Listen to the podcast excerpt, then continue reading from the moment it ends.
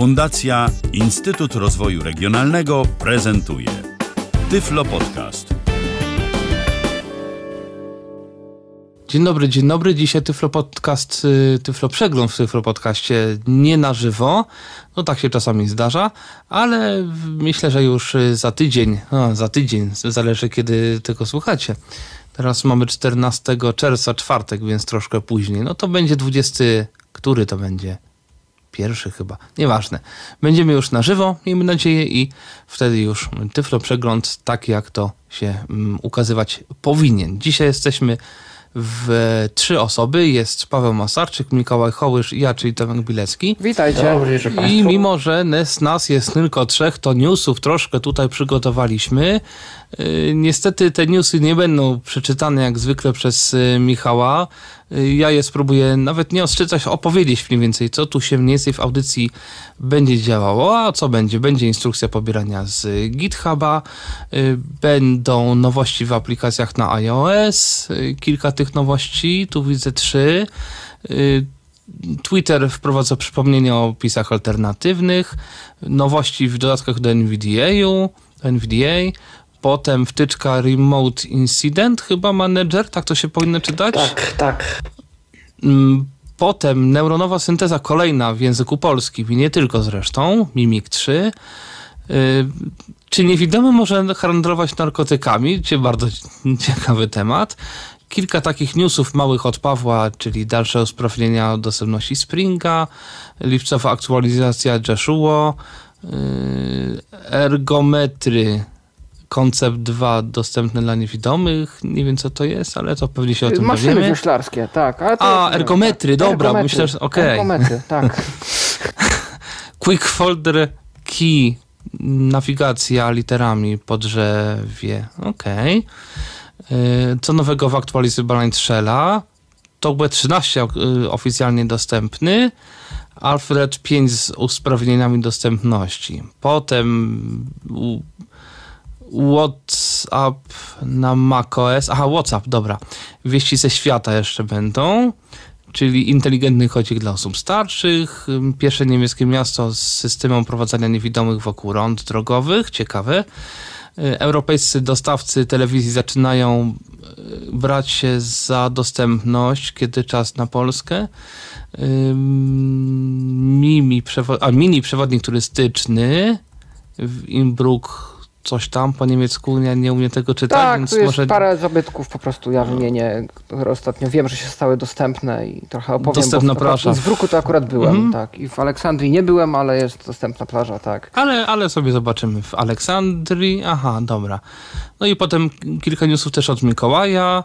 Y, Dolphin Guide już go chyba nie będzie. Y, Desmos Alt... Tutaj no, tu kilka będą. Okej. Okay. Mm, I ostatni news Tyflowieści no, będą nowości w audiograch. A jeżeli chodzi o technikalia, to mamy informację, że InPost wprowadza paczkomaty bez ekranu. Spotify wykupuje startup tworzący realistyczne głosy syntetyczne. Ciekawe nowości w dźwięku Bluetooth.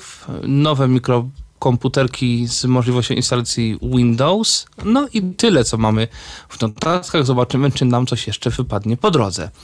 No to w takim razie zaczynamy od instrukcji pobierania z GitHuba. Domyślam się, że to jest coś takiego, jak w ogóle pobierać różne rzeczy z GitHuba. Tak, to jest taki jakby no ekstra troszkę ode mnie, bo y, my tutaj wiele rzeczy publikujemy, które są na GitHubie, jakieś dodatki głównie do NVDA, ale nie tylko, bo też się nam zdarza jakieś programy ciekawe open source wyłapać na Windowsa, głównie na Androida czasem też, y, no które najlepiej jest pobierać właśnie z platformy GitHub. Mm, a że ona platformą rozbudowaną jest i tam można wiele zdziałać, a wy w większości będziecie potrzebować tylko pobierania, e, no to się odezwały e, głosy do mnie nieraz, żebym e, jakoś objaśnił, a jak to pobrać, a gdzie szukać tych wydań, czemu nie daję linków bezpośrednich do, na przykład ja czy tam my nie dajemy linków bezpośrednich do, do plików tam exe, zip czy apk czy innych NVDA add-on, tylko do repozytoriów mm, i czy to można jakoś okiełznać. No linków ja osobiście nie daję, wy pewnie też, bo O tyle nie ma to sensu, że wychodzą cały czas nowe wersje i to, że my opublikujemy jakąś pierwszą wersję czegoś mm, z linkiem bezpośrednim, e, no wyłączy Was jakby z dostępu do wersji najnowszej, e, a pobieranie z GitHuba nie jest wcale takie trudne, e, bo wszystko idzie znaleźć po nagłówkach. Ja to w tym momencie zademonstruję, tylko załączę tu udostępnianie dźwięku. Rozpoczęto udostępnianie dźwięku z komputera. Już powinno być słychać mojego mojego Natana. Pulpit lista.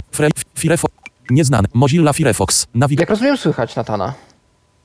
Słychać Natana, słychać Natana. Dobrze, super. Ja wejdę teraz na przykładowe repozytorium na GitHubie. Wtyczki, o której dzisiaj będę mówił, czyli Lang Predict dla NVDA. Ogl, tchupcom zaznacz, pust, pust, ER odznaczono, Ochmajer zaz, pust, ang predict zaznaczone, zwinięte. No i proszę.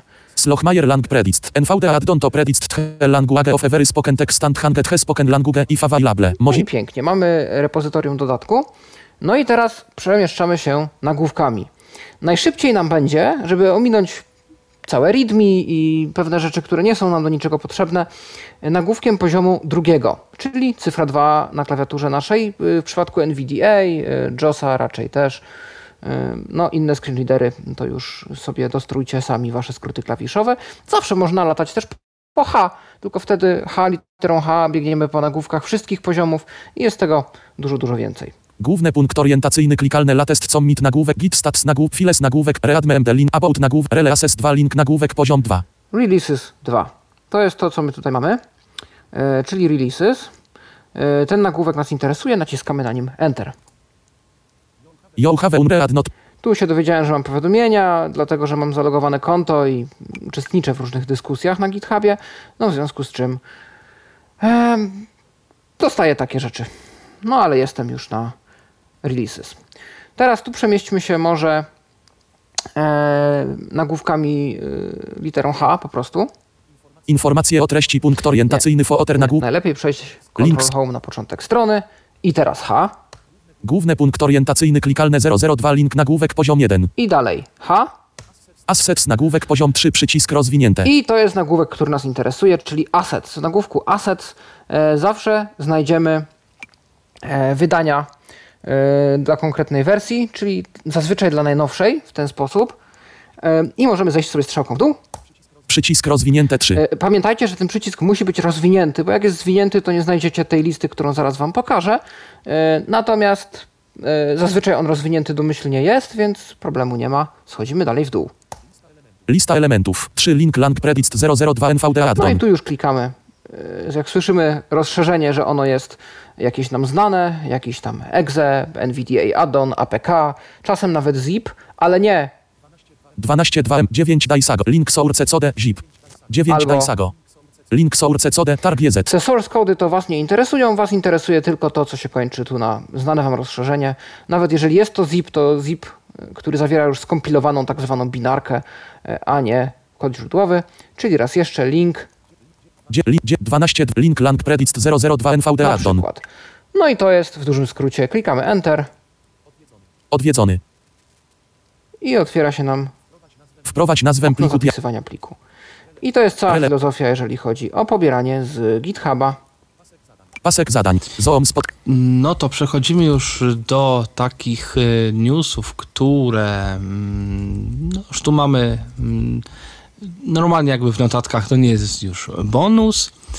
I zaczynamy może od tego, że Twitter wprowadzał przypomnienia o opisach alternatywnych.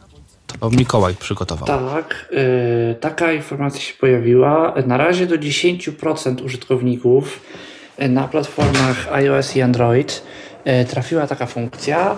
Y, no jeżeli wrzucamy na Twittera zdjęcia i zapominamy o umieszczaniu opisów alternatywnych, to możemy sprawić, aby Twitter przypominał nam o tym, aby taki opis umieścić. Aby to zrobić, musimy wejść w ustawienia, w dostępność i tam y, włączyć sobie te przypomnienia, czyli nie będzie to opcja włączona domyślnie, będzie to opcja tylko dla osób, które będą chciały i sami sobie ją włączą. Y, no, na razie jest ta opcja dostępna dla 10% użytkowników. Y, będzie ona dostępna dla szerszej grupy osób za czas jakiś. Tak to już po prostu jest w wielkich firmach technologicznych że przeprowadza się testy, czy dana opcja, nie wiem, nie wysypuje aplikacji, nie czyni aplikacji niemożliwą do użytku, czy nie generuje jakichś niewiadomych kontrowersji, błędów, problemów. E, udostępnia się na początku jakiejś małej grupie osób, no i za czas jakiś, jeżeli nic złego się nie dzieje, a przynajmniej na to nie wygląda, e, ta opcja trafia do grupy nieco większej.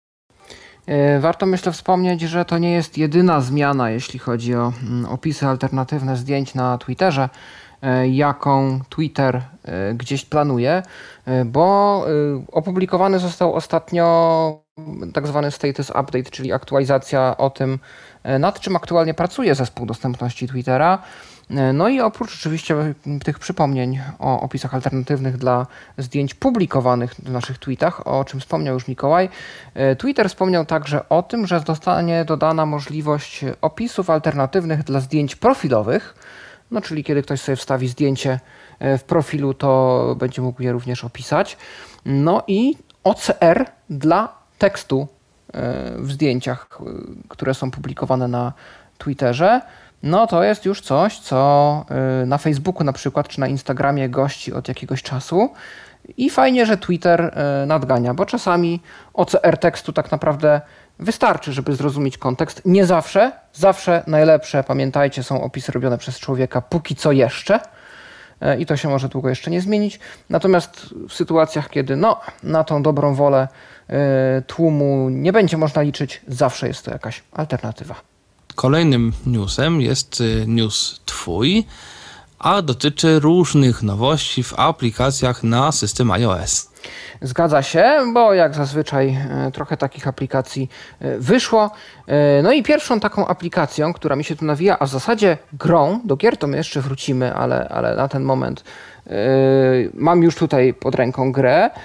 E, jest Accessible Sudoku e, autorstwa Woodside Games, e, Johna i ekipy Woodside Games, czy Woodside Apps też, czyli no już osoba, która kilka dostępnych tytułów wypuściła. No i jest to ni mniej, ni więcej a Sudoku. Sudoku, znana zagadka liczbowa, którą można sobie rozwiązać. Opis aplikacji mamy tutaj, Accessible Sudoku. E, graj w wielkich, na wielkich planszach, na małych urządzeniach. E, w tej wersji możesz wybrać e, te plansze rozmiarów 4, 9, 16 lub 25. Można wybrać ile komórek chcemy wypełnić. Możemy wypełnić poziom zooma. Tak, Tomku? I jest to gra, która. Mm, a, mamy ponad 280 różnych wzorów na tych czterech rozmiarach plansz. Yy, a, na, na rozmiarów 4 mamy 280, a te pozostałe mają 20 mm, różnych wzorów. Yy, można, przeznaczone do grania offline, yy, brak czegokolwiek do wykupywania, zakupu wewnątrz aplikacji, aplikacja skonstruowana tak, by była łatwa w graniu, ale by trudno było ją odłożyć. Prosty, czysty interfejs, w 100% kompatybilny z VoiceOver. Mm, no i to jest jakby tutaj aplikacja. Druga to jest Unichar, czyli klawiatura, która pozwala nam na wstawianie symboli Unicode. I tu właśnie symbole Unicode, czyli wszystko, absolutnie wszystko, co znajduje się w zakresie znaków Unicode. Yy, oczywiście klasycznym przykładem są znaki yy, diakrytyczne z różnych języków. Przykładem klasycznym są emoji, ale też mniej oczywiste rzeczy, na przykład różnego rodzaju kształty, które emoji nie są, ale w Unicode zakodowane, a jak najbardziej są, czyli różnego rodzaju strzałki, symbole, jakieś kwadraty, kółka, inne rzeczy. Mm, oraz także, i tutaj y, dla nas słówko i wiadomość świetna, czyli Braille. Różne wzorce znaków brajlowskich, znaków, czyli po prostu punktacji, tak? Punkt 2, 3, 4, 5 na przykład, który może być interpretowany jako T, a może być interpretowany jako coś w chemii, albo coś w muzyce, albo coś jeszcze innego, jakiś skrót brajlowski, ale my możemy Unicode'a brajlowskiego w tym momencie wstawiać. Klawiatura jest dostępna z VoiceOver i tutaj mamy opis.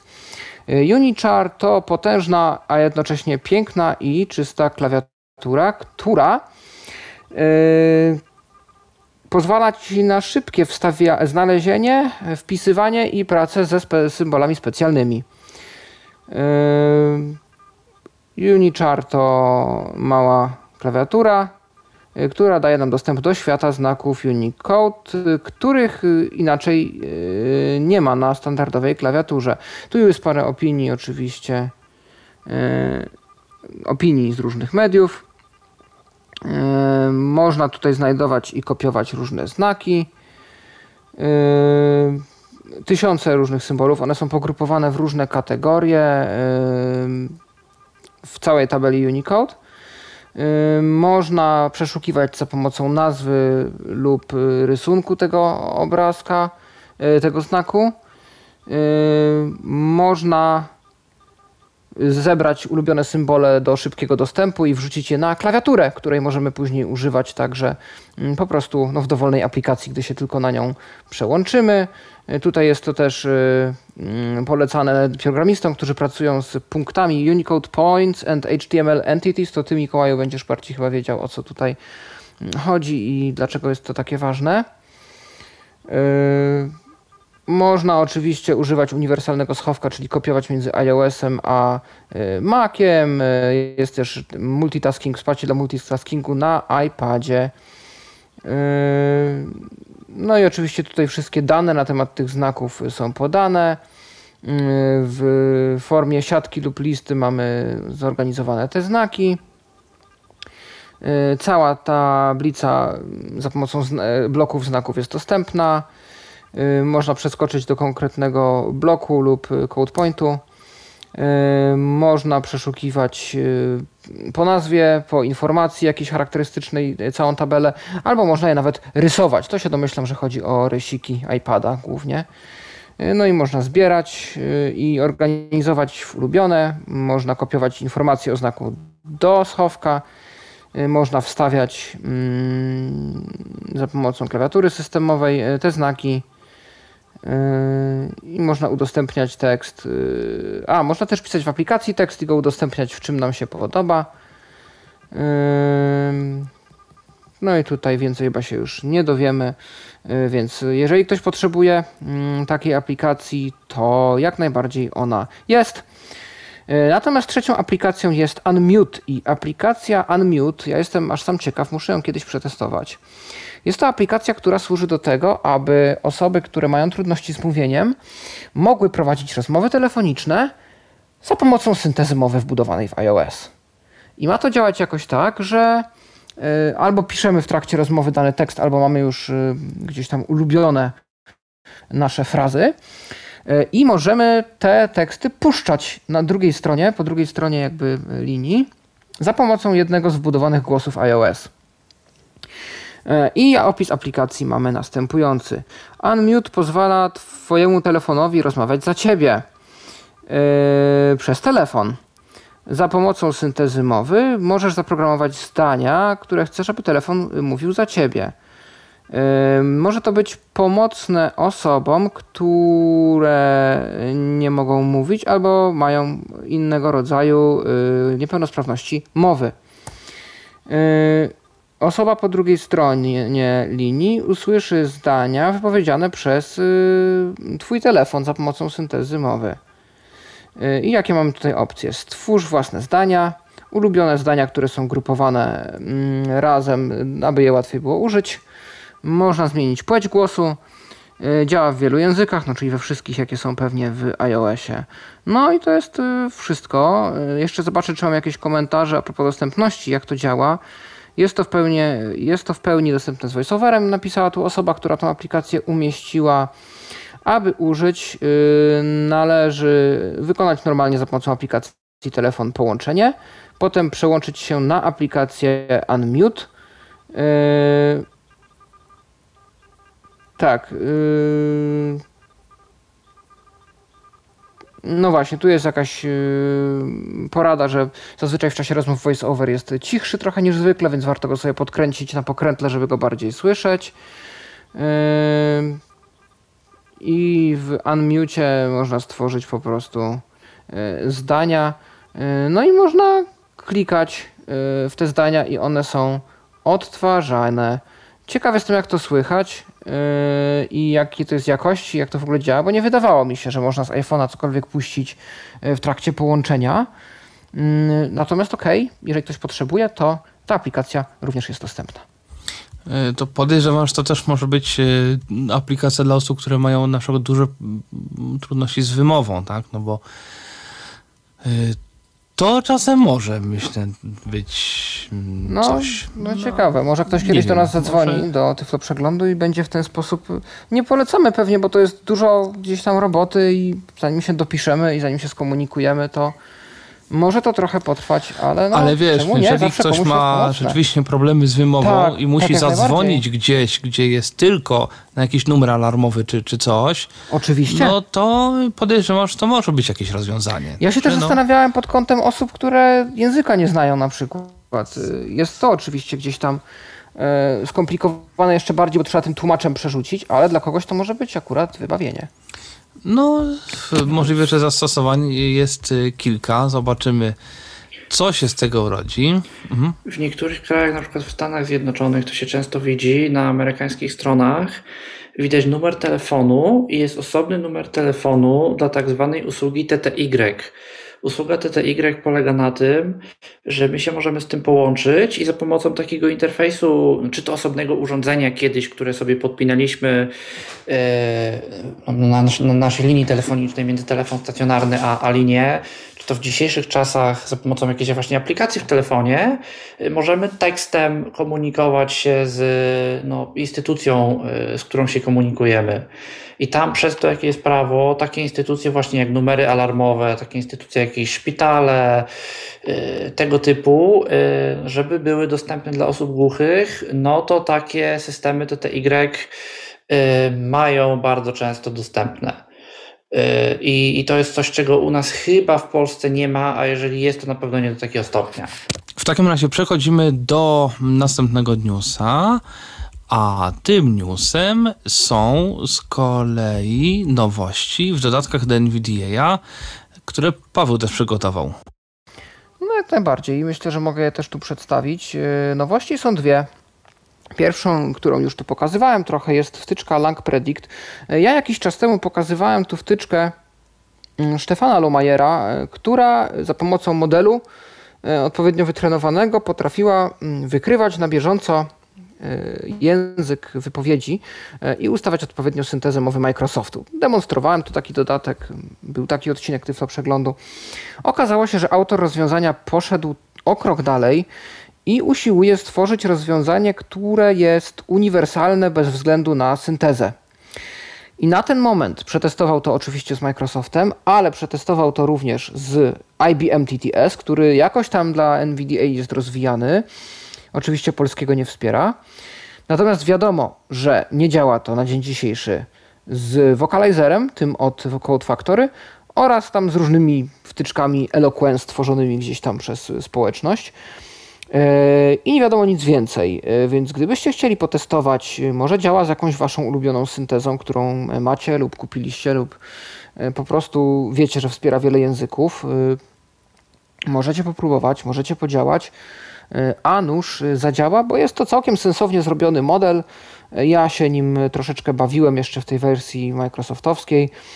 No i muszę przyznać, że rzeczywiście pięknie się przełączał między polskim, angielskim, niemieckim, tam francuskim, chyba też dałem jakiś czeski. Bez problemu dawał radę i, i warto się takim dziełom przyglądać. Druga wtyczka to wtyczka WhatsApp Plus i ten dodatek Plus możemy już kojarzyć, bo E, wtyczka Unigram Plus już istnieje od jakiegoś czasu i my o niej e, mówiliśmy nieraz. Bardzo dobrze rozwinięty dodatek do NVDA, który no, służy do obsługi Unigrama e, w bardzo rozbudowanym zakresie. Mnóstwo skrótów klawiszowych, mnóstwo jakichś opcji e, modyfikowania zachowania aplikacji i tak. No i autor tego dodatku, czyli Kostia Gladki, postanowił pójść o krok dalej, zrobić wtyczkę dla WhatsAppa, tego nowego takiego UWP, o którym mówimy już od jakiegoś czasu. I rzeczywiście zrobił wtyczkę, która no myślę, że na ten moment, przynajmniej na moje potrzeby, odpowiada wszystkie. Mamy tam prawie 30 skrótów klawiszowych do najróżniejszych aspektów, bo tak naprawdę mamy to, co było w tej wtyczce WhatsApp Enhancements, czyli przechodzenie na listę czatów, przechodzenie na listę wiadomości, na ostatnią wiadomość, czytanie informacji o czacie, jakieś tam przejście do profilu, klikanie w nagrywanie wiadomości głosowej i tak dalej. No ale e, Kostia rozbudował to o wiele bardziej, bo E, no właśnie, dodał na przykład przejście do nieprzeczytanych wiadomości. Tutaj myślę warto, że zaznaczyć, że wymaga to trochę naszego wkładu, bo autor stwierdził, że nie ma sensu, żeby tworzyć taką funkcję, żeby ona działała tylko w jakimś jednym konkretnym języku, a wiadomo, ten nagłówek, że nieprzeczytane wiadomości e, oczywiście brzmi inaczej w każdym języku i jeszcze ma odmiany, żeby było śmieszniej. E, w związku z czym autor dodał w ustawieniach opcję, e, żeby sobie samemu wpisać, jak ten element się nazywa, i wtedy e, wpisujemy po prostu.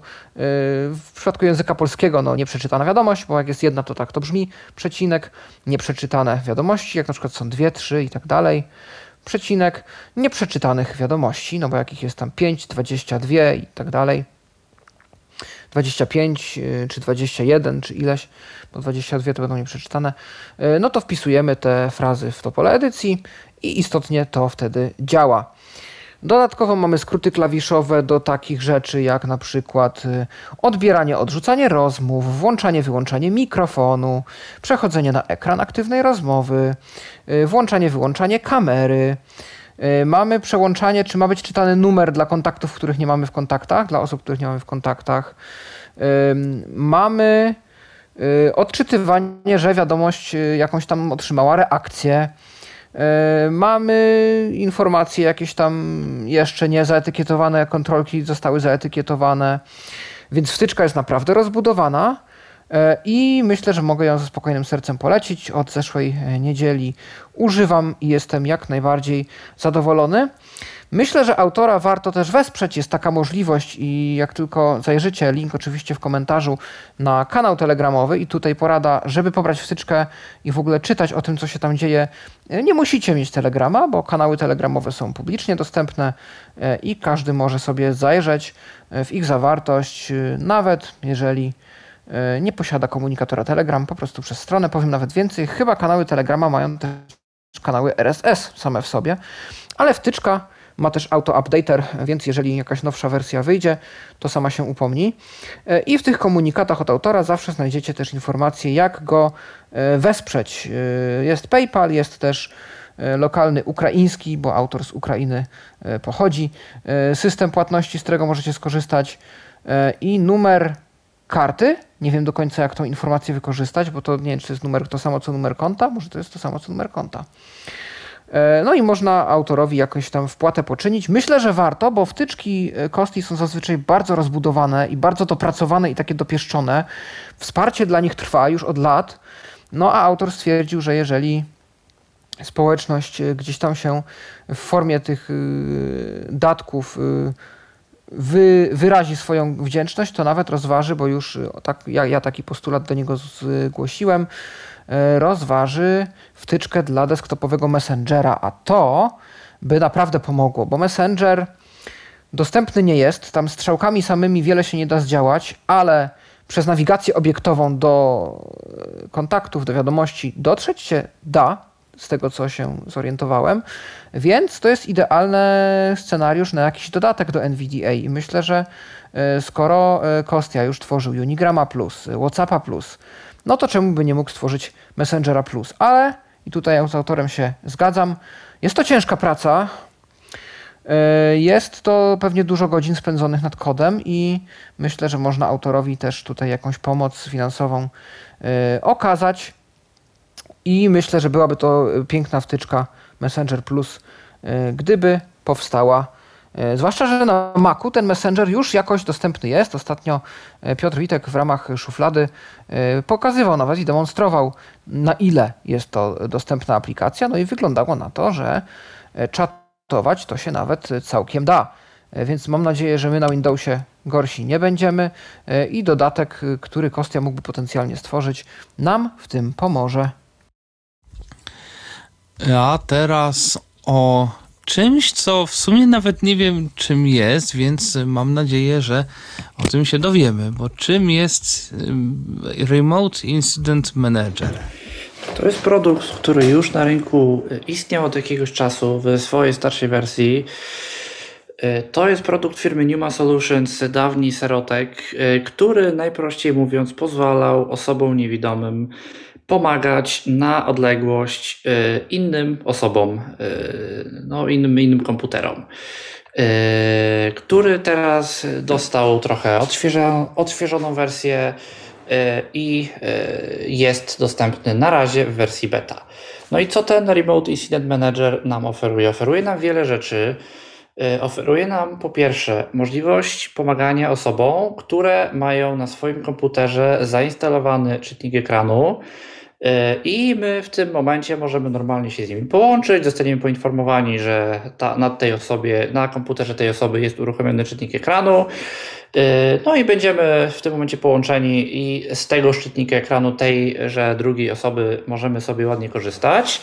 E, lub, co ciekawe, możemy pomagać również osobom, które takiego czytnika ekranu nie mają. E, I w tym momencie mm, ten e, RIM, bo tak się aplikacja nazywa, e, będzie łączył się z naszym czytnikiem ekranu NVDA, a na komputerze drugiego użytkownika, temu, tego użytkownika, któremu pomagamy, uruchomi coś, co oni nazywają komponentem dostępności, czymkolwiek to jest, co będzie wysyłać do naszego czytnika ekranu NVDA E, po prostu wszelkie e, informacje, które ten czytnik e, potrzebuje, których ten czytnik potrzebuje, których ten czytnik wymaga, aby móc odczytywać ekran tego komputera, którego kontrolujemy. Ponadto aplikacja pozwala na przesyłanie dźwięku w wysokiej jakości dźwięków stereo E, czyli jeżeli e, to, to został taki podany przykład, że jedną, jednym zastosowań, gdzie tę aplikację można wykorzystać, e, jeżeli na przykład uczymy kogoś pracy z jakimiś aplikacjami muzycznymi lub do edycji dźwięku, no to nie będziemy mieli żadnego problemu z tym, że ten dźwięk zostanie jakoś zniekształcony, to będzie wszystko w stereo, to będzie wszystko w takiej jakości, w jakiej my byśmy chcieli, żeby to było. Yy, to wszystko jest oparte na tak zwanym protokole OpenTC, a co za tym idzie, yy, nasze komputery w miarę możliwości, jeżeli to tylko będzie możliwe, będą próbowały połączyć się ze sobą bezpośrednio, bez udziału yy, serwera pośredniczącego, co znacznie wpływa, oczywiście wpływa pozytywnie na opóźnienia, jakich będziemy doświadczać. No bo jeżeli wysyłamy dane bezpośrednio z komputera do komputera, no to wiadomo, że opóźnienia będą mniejsze niż jeżeli wysyłamy te dane powiedzmy do Stanów Zjednoczonych, gdzie znajduje się na przykład serwer główny e, NVIDIA Remote'a i z powrotem. E, dodatek też wspiera czat głosowy, jeżeli na przykład chcemy użytkownika o coś zapytać, chcemy z nim porozmawiać, pokazać mu coś, to samym, samą aplikacją możemy też nawiązać czat głosowy. No i teraz jak aplikacji można używać? Aplikacji można używać na wiele sposobów. Dostępna jest wersja zwykła, wersja taka powiedzmy publiczna, e, gdzie my te wersje możemy zainstalować i jako technik e, możemy stworzyć słowo kluczowe, do którego się potem użytkownik podłączy. Możemy zarejestrować się jako firma, jako organizacja i dystrybuować takie ala instalatory Y, nasze wewnętrzne dla naszych komputerów. Y, tutaj na przykład było podana jako jeden z, jedna z opcji, jak można to wykorzystać, wszelkiego rodzaju dystrybutorzy sprzętu dla osób niewidomych, żeby z takimi instalatorami dystrybuowali te sprzęty, z takimi rozwiązaniami zainstalowanymi, że w razie potrzeby udzielenia wsparcia technicznego można się połączyć zdalnie i tego wsparcia udzielić bez jakiegoś większego problemu ze strony użytkownika. E, można również e, po kontakcie z firmą zakupić wersję Enterprise, czyli wersję taką dla dużych firm tego oprogramowania. No i te wersje można postawić na własnym serwerze, we własnej prywatnej sieci, czyli jeżeli jesteśmy, nie wiem, bankiem, szpitalem, wojskiem, policją, instytucją, która ma jakieś dane osobowe i niekoniecznie chce y, korzystać z wersji, która jest gdzieś, nie wiadomo gdzie i publiczna, y, no to możemy to po prostu zainstalować u siebie, y, schować za naszą jakąś tam prywatną siecią i w tym momencie żadnej komunikacji nie będzie już z producentem tego programu. Y, choć dodajmy, że nawet jeżeli y, korzystamy z tej publicznej wersji, mm, to wprowadzone zostało pełne szyfrowanie y, naszej komunikacji i to szyfruje się nie jak w przypadku na przykład dodatku NVIDIA Remote między nami a serwerem, a potem między serwerem a drugą osobą, tylko bezpośrednio między nami a drugą osobą. Czyli nawet to, co serwer dostaje, nawet to, co serwer widzi, e, jeżeli oczywiście dostaje, e, to jest e, no, coś, z czego twórcy nie będą w stanie w żaden sposób rozczytać. Twórcy również oferują sieć rozmieszczonych po całym świecie serwerów, gdzie w sytuacji, kiedy nasza sieć nie pozwala nam na to, aby nawiązać bezpośrednie połączenie z drugim użytkownikiem, e, no to to opóźnienie mimo wszystko, żeby jak się tylko da zmniejszyć, zostanie wybrany najbliższy nam serwer, e, i przez ten serwer będziemy się komunikować. No, czyli podejrzewam, że jeżeli na przykład my będziemy pomagać drugiemu użytkownikowi z Polski, no to zostanie wybrany, nam, zostanie wybrany jakiś serwer w Europie E, nie wiem, jakie oni tam dokładnie je mają, e, no ale oszczędzi nam, oszczędzi to tym danym e, dwóch wycieczek przez ocean do serwera w Stanach Zjednoczonych i z powrotem, co w przypadku używania czytnika ekranu naprawdę robi dużą różnicę i te tam kilkanaście, kilkadziesiąt milisekund, które zyskujemy na pingu, no, robi różnicę i to, i to widać, i to jako użytkownik czytnik ekranu jesteśmy jak najbardziej w stanie zauważyć.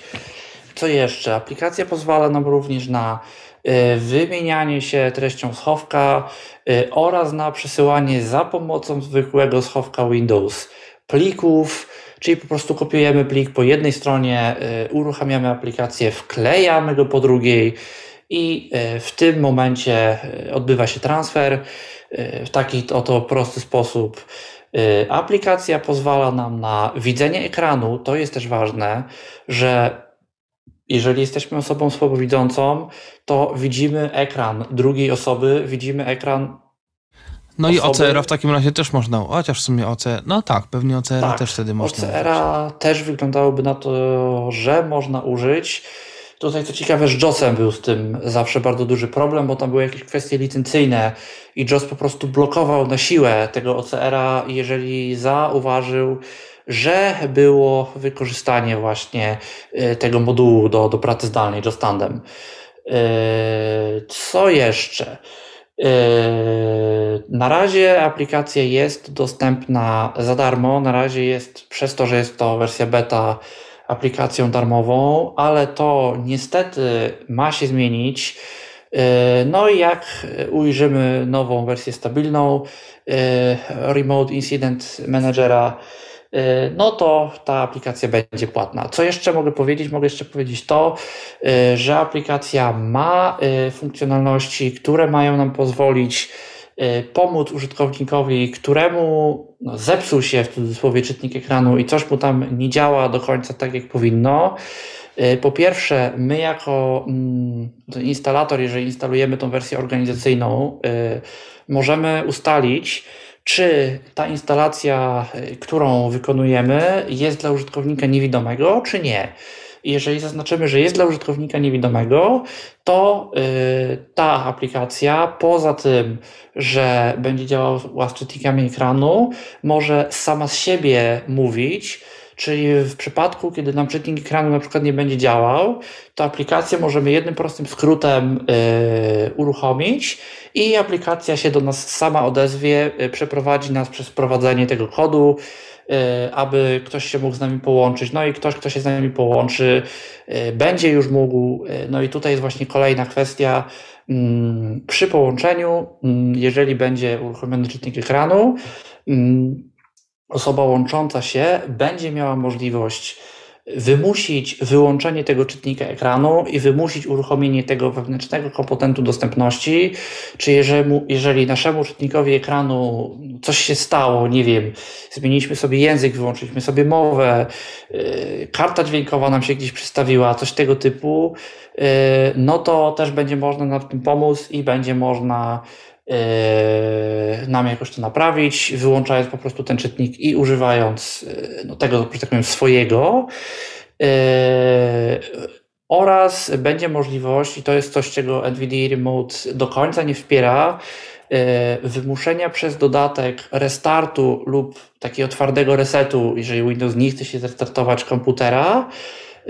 Jeżeli chcemy, możemy zaznaczyć przy tym, żeby po restarcie y, ten program y, uruchomił się ponownie oraz nawiązał ponownie to samo połączenie dokładnie tak, jak robimy to w tej chwili, czyli innymi słowy, y, zrestartować komuś komputer, żeby, nie wiem, zrobić aktualizację y, i po tym restarcie już nie musimy drugi raz prosić użytkownika o to, żeby nam się z czymkolwiek połączył, tylko będziemy już po prostu połączeni. Ten dodatek, ten program, przepraszam, zrobi y, to, co ma zrobić.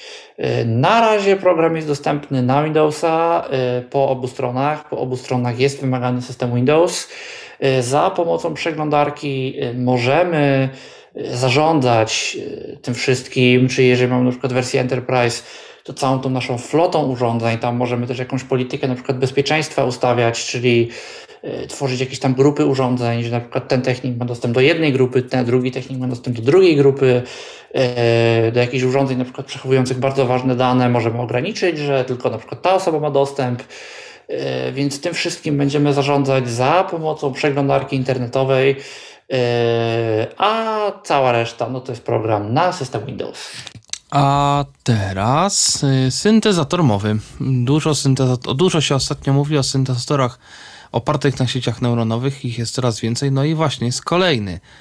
Kolejny w języku polskim, między innymi oczywiście, bo tych języków tam jest dość dużo są dość nietypowe momentami. Mm, syntezator zdaje się open source i oparty w ogóle z tego co widziałem na danych, które są również open source. Y, ale Paweł o tym więcej. Tak, y, dzieło y, takiej inicjatywy jak Minecraft. Minecraft, czyli mm, czy w zasadzie tak, no to jest takie idea zrobienia, przepraszam, asystenta głosowego open source, e, który no, nie będzie Amazonem, nie będzie Googlem, nie będzie Applem i nie będzie naszych y, nagrań tego, co mówimy, albo nagrań tego, co słyszy dany głośnik czy urządzenie przesyłał gdzieś tam dalej.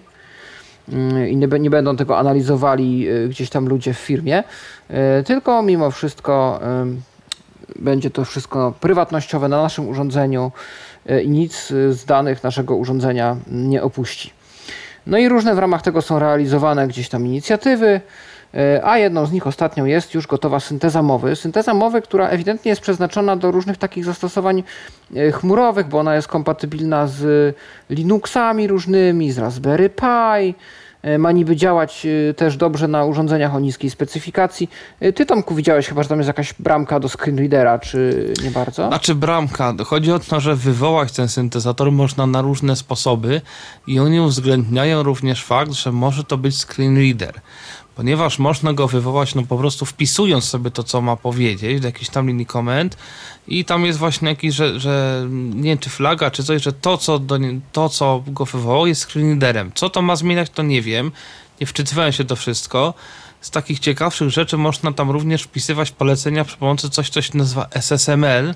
No tak, I no tak. to jest, zdaje się, taki w ogóle dość rozbudowany system wpisywania nie wiem, czy nie nawet fonemów, czy czegoś, w każdym razie taki, takiego porozumiewania się z syntezatorami na dość niskim poziomie, co może wymusić jakieś odpowiednie sposób wypowiedzenia jakiegoś słowa. Więc To to jest też sposób- dość ciekawe. Sposób kontroli syntezatora, czyli możemy syntezatorowi powiedzieć na przykład to przeczytaj z taką prędkością, to na przykład przeliteruj, czyli jeżeli czyta nam jakiś, nie wiem, kod powiedzmy, to możemy yy, sprawić, żeby to, co on nam czyta, jakiś, nie wiem, kod, hasło, cokolwiek, stało nam na przykład przeliterowane. Yy, To bardzo zależy też od syntezatora oczywiście, co możemy zrobić, ale nie wiem, ustawienie języka, głosu, prędkości, i to te wszystkie na przykład syntezy chmurowe, yy, te tam Microsoftu, Google'a, Amazona, yy, to wspierają do tego stopnia, że niektóre syntezy nawet pozwalają nam ustawić nastrój, emocje, która ta synteza ma wyrazić.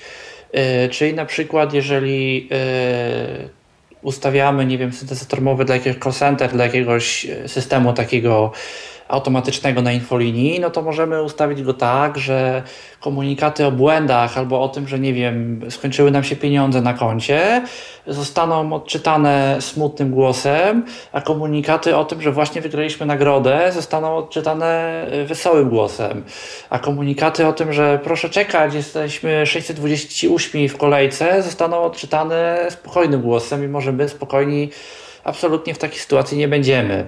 I to tak naprawdę, na to nam tak naprawdę pozwala SSML y, i to nie dość, że my możemy jakby jedną frazę, czyli to, co zawsze mogliśmy y, ustawić w jakiś sposób, tylko my możemy w trakcie y, jakby frazy, w trakcie zdania zmieniać te parametry, czyli nie wiem, ktoś tam, ktoś tam powiedział i tutaj resztę y, czytamy na przykład angielskim głosem, bo, bo tekst jest powiedzmy po angielsku. No właśnie. y, I jak się okazuje, dla tej syntezy są również głosy polskie. Y, Głosy wytrenowane na modelach, y, które, jak rozumiem, pochodzą z tego zbioru danych z Mozilli, z tego projektu Common Voice. Dobrze? Nie, to nie jest Nie. to. To jest, zdaje się, z. e, O Boże, nie czy nie. Embrola, e, Festiwal. Nie, to, to były książki, nie wiem czy nie w LibriVoxie, czy w którejś takiej bibliotece. Książki, które no, tam zostały przeczytane i był jakiś projekt, który właśnie róż, z różnych, zbierał głosy z różnych języków i te głosy przygotowywał jakby do jakiegoś trenowania właśnie, czy syntezy mowy, może rozpoznawania mowy, może czegoś jeszcze, w taki sposób, jak to się zazwyczaj robi. To znaczy, że jest zdanie napisane tekstem i to samo zdanie przeczytane no, w pliku dźwiękowym i te zdania są jakoś mm, w pewnym sensie synchronizowane I, i taki zbiór danych można sobie użyć do różnych rzeczy. No i tutaj został użyty do wytrenowania syntezatora mowy. I Tak. so jest dwoje ludzi, jest y, Piotr Nina Na- Brown i Piotr, Piotr nie pamiętam jak on się Nater, nazywa. Nater. Nater, no właśnie. E, No ja mogę puścić, ja mogę zademonstrować krótko, jak to brzmi w wersji tej takiej e, Neuron. To zademonstruj, a potem jeszcze możesz. y, Ja nie byłbym sobą, gdybym też tego nie, nie sprawdzał. I są jeszcze głosy angielskie, i część z nich ma naprawdę bardzo przyzwoitą jakość w ogóle tej Dobrze. Udostępniasz dźwięk swojego komputera. Udostępniam istotnie. E, Tak, synteza? udostępniasz dźwięk swojego komputera, Mimik tak. Nawet 3. Mimik 3. Ja tu wejdę, Link tutaj od razu pole kombi, Lista rozwijana, zwinięte English hook. English UK, a my chcemy Polski polisch. dokładnie. I mamy tutaj Lista rozwijana, zwinięte apopelow. A Pope Low. Rozumiem, że to jest jakiś model głosu, tak? To jest właśnie baza chyba, z której to Tak. jakoś jest brane, bo tych baz jest kilka.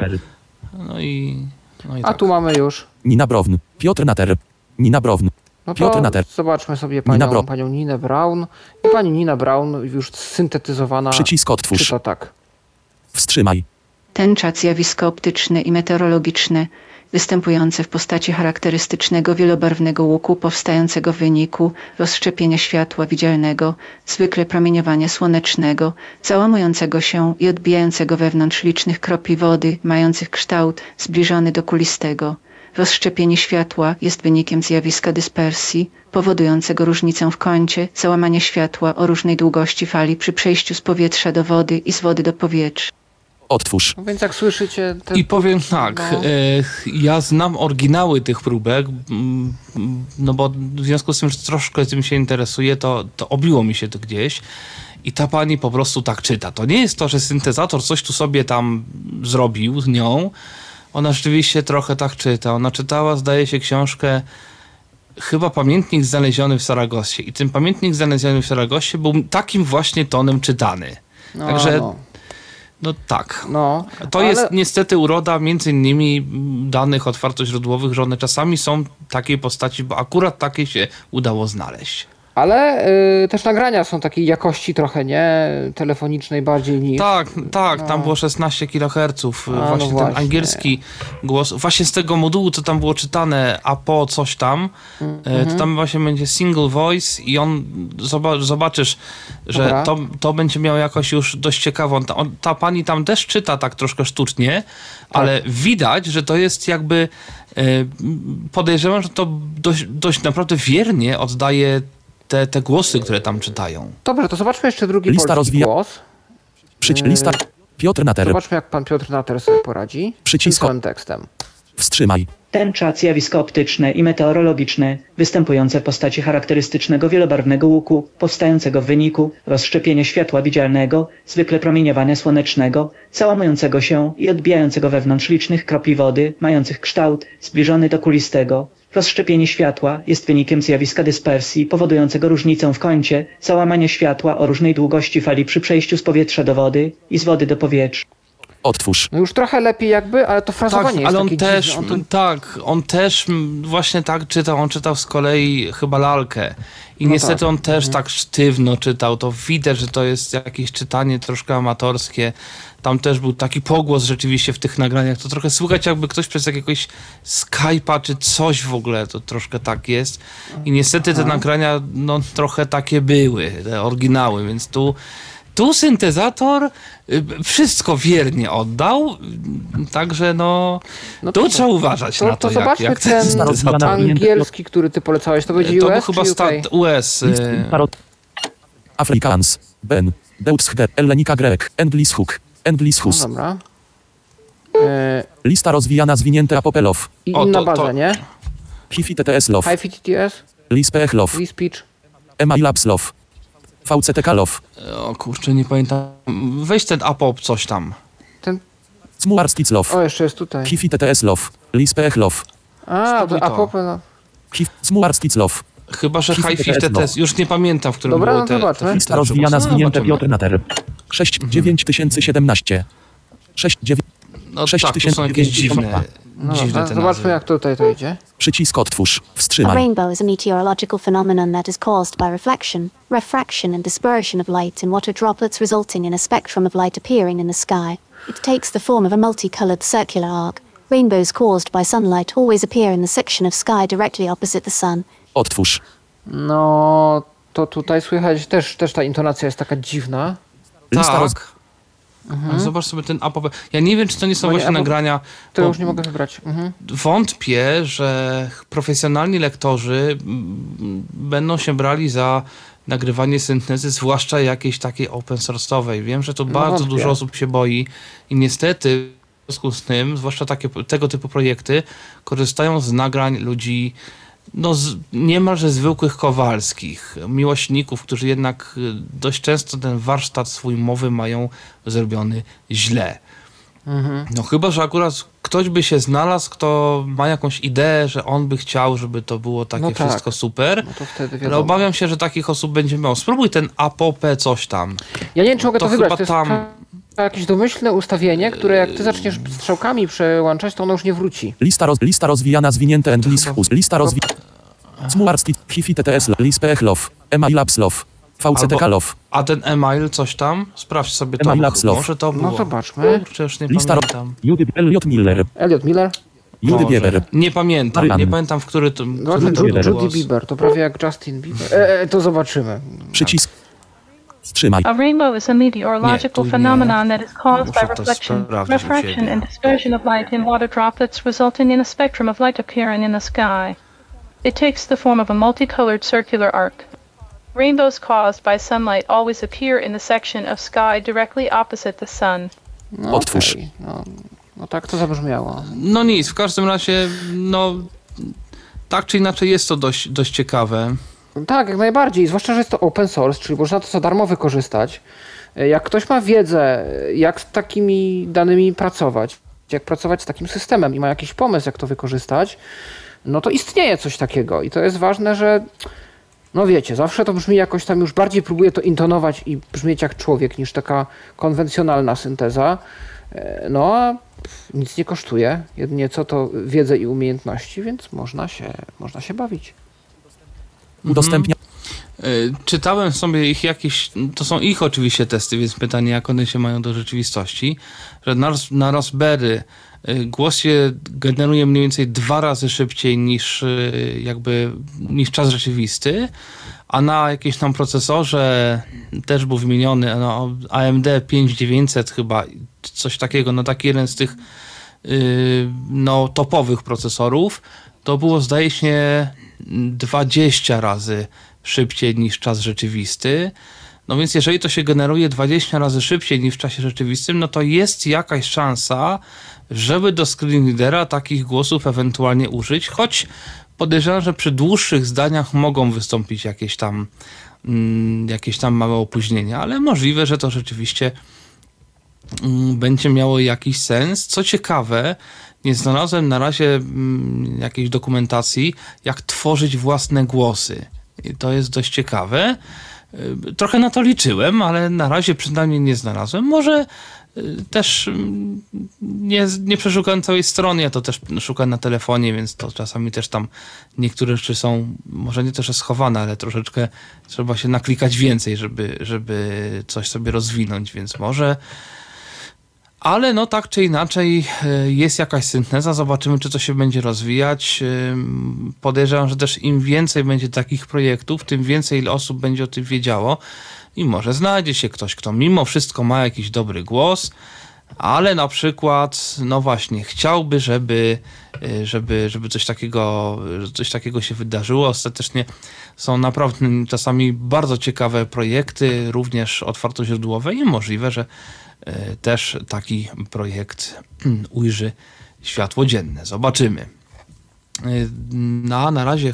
A, jeszcze tylko jedno. Powiem, ta sama firma zdaje się w ogóle robi głośnik taki ala y, te wszystkie Google Home, czy tam jakieś y, Amazon, te, te, te Echo, czy jak on tam ma serię, to ta firma też robi swój głośnik ze swoim asystentem. On kosztuje, teraz nie pamiętam, albo, albo 300 dolarów, albo 400 dolarów w przedsprzedaży. Zobaczymy, jaka będzie cena oryginalna. W każdym razie, no, jakieś, jakieś, jak szykują. Ta synteza na razie jej nie ma na Windowsa, ale ponoć jest w przygotowaniu na Windowsa. No i zobaczymy. A teraz, Mikołaju, czy niewidomy może handlować narkotykami? Ty znasz odpowiedź na to pytanie. Tak, okazuje się, że technicznie jak najbardziej może. Prawnie jest tym gorzej i nawet jednego właśnie za to aresztowano kilka dni temu. E, A że mnie trochę temat e, różnych dziwnych rzeczy, e, za, których, e, za które niewidomi poszli do więzienia, gdzieś tam interesuje. E, Mam zostawiony na jeden z przeglądów temat e, niewidomego terrorysty z Japonii. E, To jest w ogóle ciekawa, ciekawa kwestia. E, No to, to akurat mi się udało ostatnio natrafić na taki artykuł, że w Stanach Zjednoczonych, e, bodajże w Indianie, jeżeli się nie mylę, e, niewidomy 35-latek trafił do aresztu, został przez policję jego dom przeszukany e, ze względu na to, że oskarżono go właśnie o handlowanie narkotykami. I to się okazało, jak najbardziej e, osoba niewidoma była to. E, Człowiek miał w swoim, gro, w swoim domu e, kilka tamnaście gramów e, metamfetaminy i jakichś narzędzi przyrządów e, służących do e, handlowania i jakby obsługi tejże. Co oczywiście zostało mu skonfiskowane. Co ciekawe, podobno mm, działał między nim a jego klientami swego rodzaju system honoru, że to klienci sobie ważyli to, co chcieli od niego kupić, mówili mu no ile i odpowiednio mu płacili. Bo się okazało, że no ta waga, której on używał, najwidoczniej nie była za bardzo dostępna. Też oczywiście u niego znaleźli pieniądze, znaleźli nawet broń. Nie wiem, co on chciał z tą bronią zrobić, jak niewidomy chciał jej użyć, ale znaleźli broń. No i teraz osoba niewidoma została właśnie aresztowana i yy, będzie no, przesłuchiwana w najbliższym czasie w sądzie. Więc no. to ciekawe zajęcie. Udowadnia Ameryka, że wiele jest zawodów, w których osoba niewidoma może się sprawdzić. Także nie polecamy, ale się da, jak się okazuje. Y, to teraz ty od Pawła. Tak, to są drobne. E, nie wiem, czy Mikołaj będziesz chciał się po mnie dołączyć ze swoimi, czy, czy zostawimy je na później, ale ja mam tu kilka rzeczy zebranych. No i tak, przede wszystkim pierwsza rzecz jest taka, że jest oczywiście nowa wersja aplikacji Spring. Ona się aktualizuje dość regularnie, czyli nasz nowo objawiony w tym roku klient Twittera na platformy Apple'a. No i jak zwykle tutaj troszkę zmian dostępności, czyli E, ogólnie aplikacja przeszła redesign e, ekranu wiadomości prywatnych i tam właśnie pod tym kątem też e, są te zmiany dostępności, żeby mm, te wiadomości prywatne się łatwiej ogarniało. Poprawiono błąd, kiedy to po wychodzeniu z pewnych widoków, z widoku Safari, na przykład podglądu, z widoku tweeta i tak dalej, wracało się na listę tweetów i ten fokus nasz się gdzieś resetował i lądował na samej górze ekranu, zamiast lądować na tym tweetie, z którego my wyszliśmy tak naprawdę. Więc y, to zostało naprawione. Y, no i wiele osób odnotowuje też, że ponoć jakoś szybciej jakby się nawiguje po tych tweetach. Ja tego nie odnotowałem, natomiast y, taka informacja do mnie dotarła, więc może na jakichś konkretnych urządzeniach to odczujecie. Springa jak zwykle warto przetestować. Bardzo ciekawa i bardzo dostępna aplikacja. E, kolejny mój news dotyczy nowości w Jeshua Screenreaderze, bo 30 czerwca została opublikowana najnowsza wersja naszego chińskiego screenreadera na Androidy i głównie są to optymalizacje, o których opowiem, natomiast jest jedna opcja i to gdzieś w ustawieniach dodatkowych e, programu się załącza.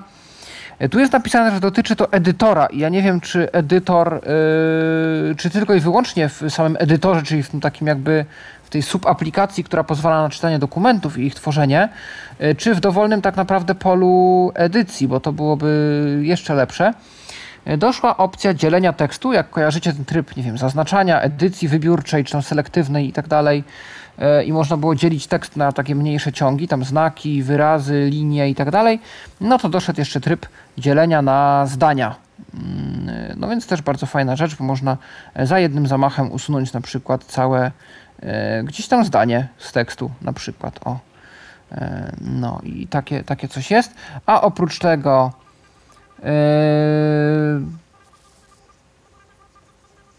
dodano do adaptacji do najnowszej wersji modelu iFlytek. Tu domyślam się, że to jest jakaś chińska metoda wprowadzania. Naprawiono błąd w menu schowka, w którym aktywna klawiatura była ukryta podczas Y, ukryta podczas otwierania ulubionego elementu. Nie, nie, do końca wiem, jak to by miało działać, bo tam się po prostu wybiera, chyba że coś przy dodawaniu elementów był jakiś problem. Zoptymalizowane zużycie energii, to się zawsze chwali. Zoptymalizowana stabilność przeglądania dotykowego, to się również zawsze chwali. Tych optymalizacji jest już tyle, że jestem ciekaw, czy tam jeszcze jest co optymalizować, ale jak widać jest. Zoptymalizowana stabilność automatycznego odczytu. Domyślny klawisz skrótu regulacji głośności uruchomi asystenta głosowego. Nowe wsparcie, i naciśnięcie i rozpoznanie mowy. Yy, domyślam się, że tu chodzi o któryś z tych przytrzymanie klawisza w górę albo w dół, coś, coś tego typu, chyba coś, pewnie coś zmieniono w ustawieniach, chyba, że macie inne doświadczenia używając y, Jeshua, to dajcie znać. E, uwaga, nie można używać w systemie Android 10 i nadbudówce graficznej, a i nakładce Huawei. E, no ciekawe, widocznie tam coś nie działa. E, ze względu na korekty fokusa wyszukiwania możesz potrzebować instrukcji, by wykryć, że fokus nie znajduje się w aktywnym oknie. Też nie wiem o co tutaj chodzi. Jeśli chcesz to zastosować, dodaj po słowie kluczowym.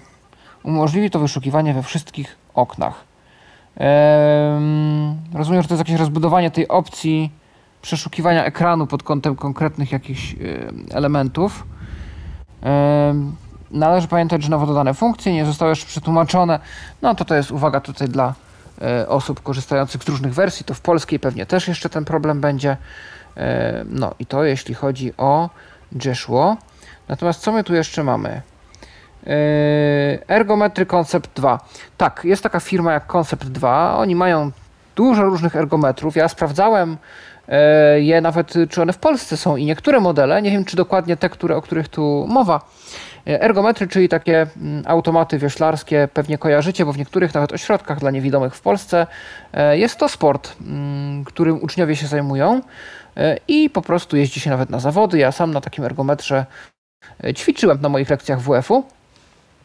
E, I miałem kilku kolegów w klasie, którzy mm, bardziej poszli w to wyczynowo. Pozdrawiam tu serdecznie, jeżeli mi kiedyś będziecie słuchać. I okazuje się, że ten sport nie tylko w Polsce jest popularny, nie tylko gdzieś tu w Europie, ale też i w Stanach.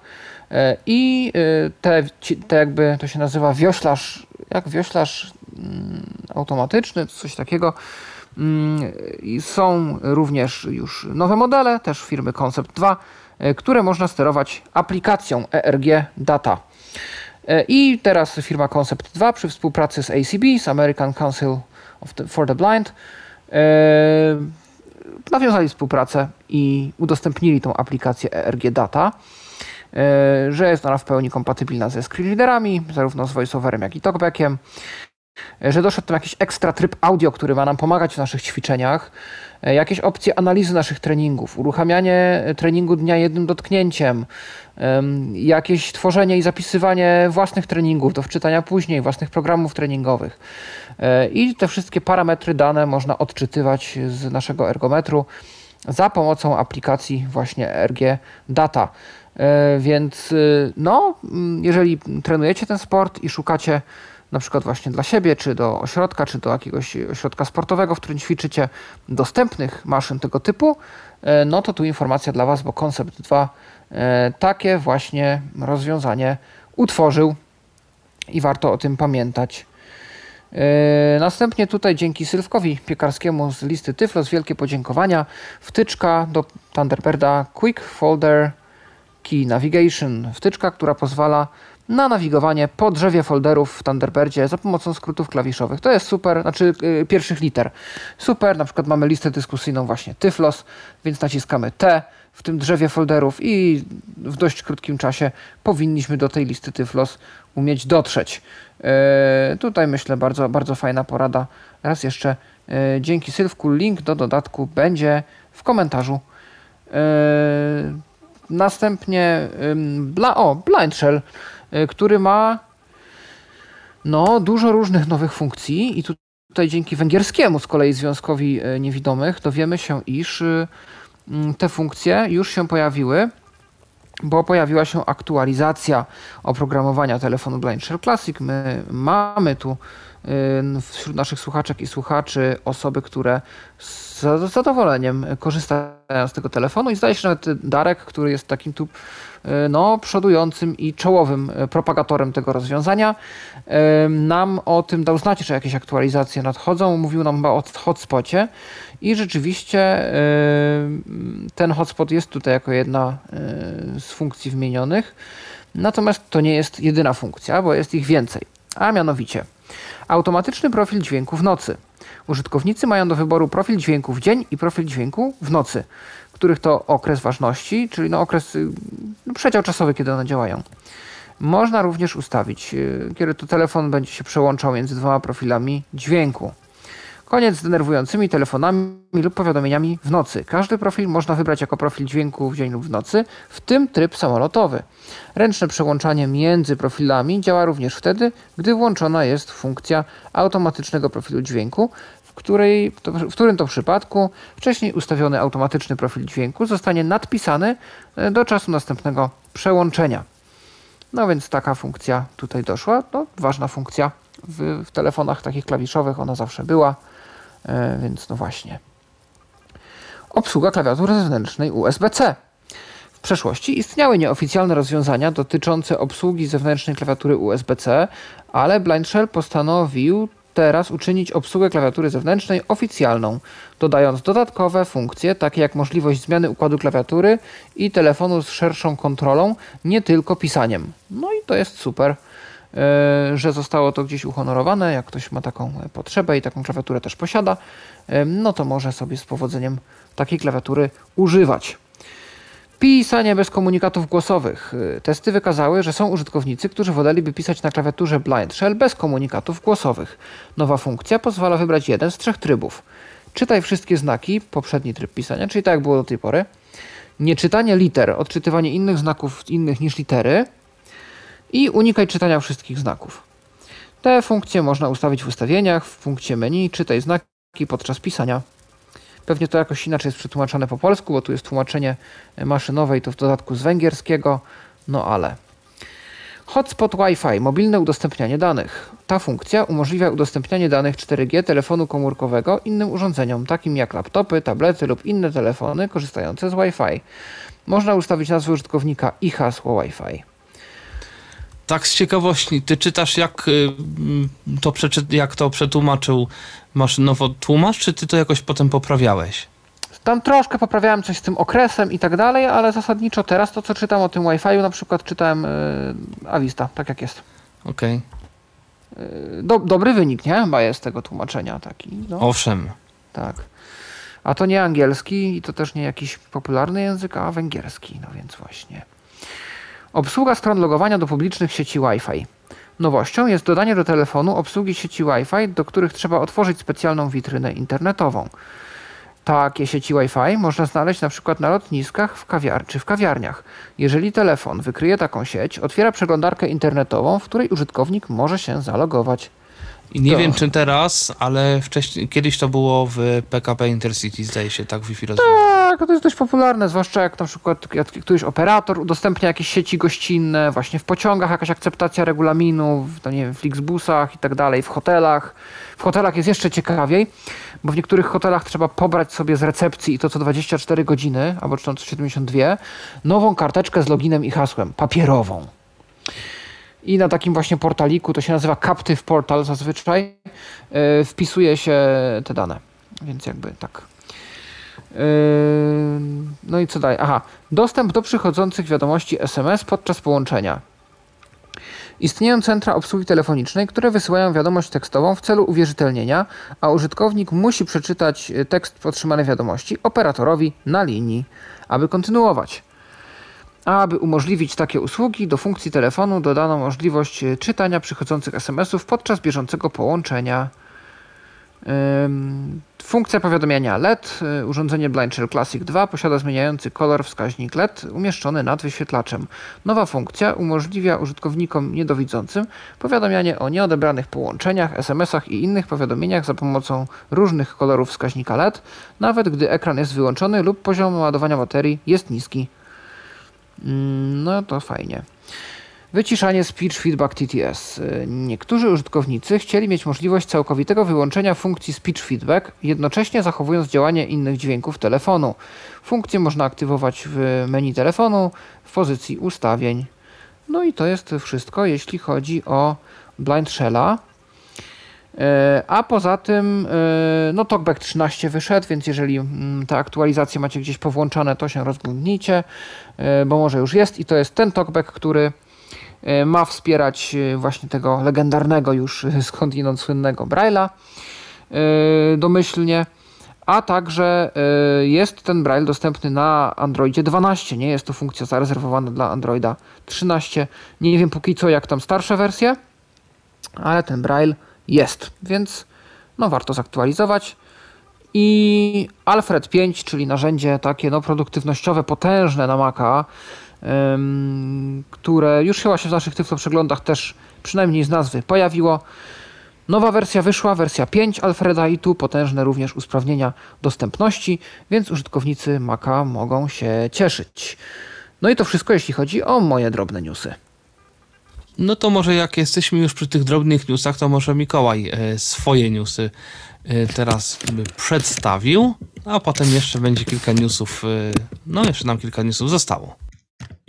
Okej. Okay. A więc tak, zaczynamy od tego, że firma Dolphin ogłosiła, że program Dolphin Guide Connect, bo on się tak teraz nazywał, zostaje, jego wsparcie zostaje zakończone i nie będzie już dalej rozwijany.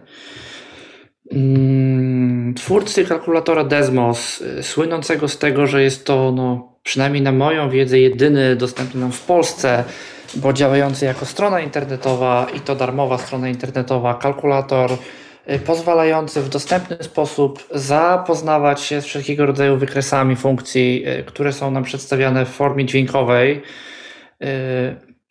to też nie wszyscy wiedzą, że pierwszym takim rozwiązaniem tego typu był w ogóle Orion e, TI, on się jakoś tak nazywał, takich bardzo słynnych amerykańskich tam kalkulatorów TI-80 bodajże, e, które tam są bardzo często w szkołach wykorzystywane. No u nas ani tychże kalkulatorów, ani tej przystawki, która kosztowała 5 razy tyle co sam kalkulator, się nie stosuje, więc bardzo fajnie, że jest Desmos, bo Desmos jest darmowy i Desmos robi to, co robić powinien.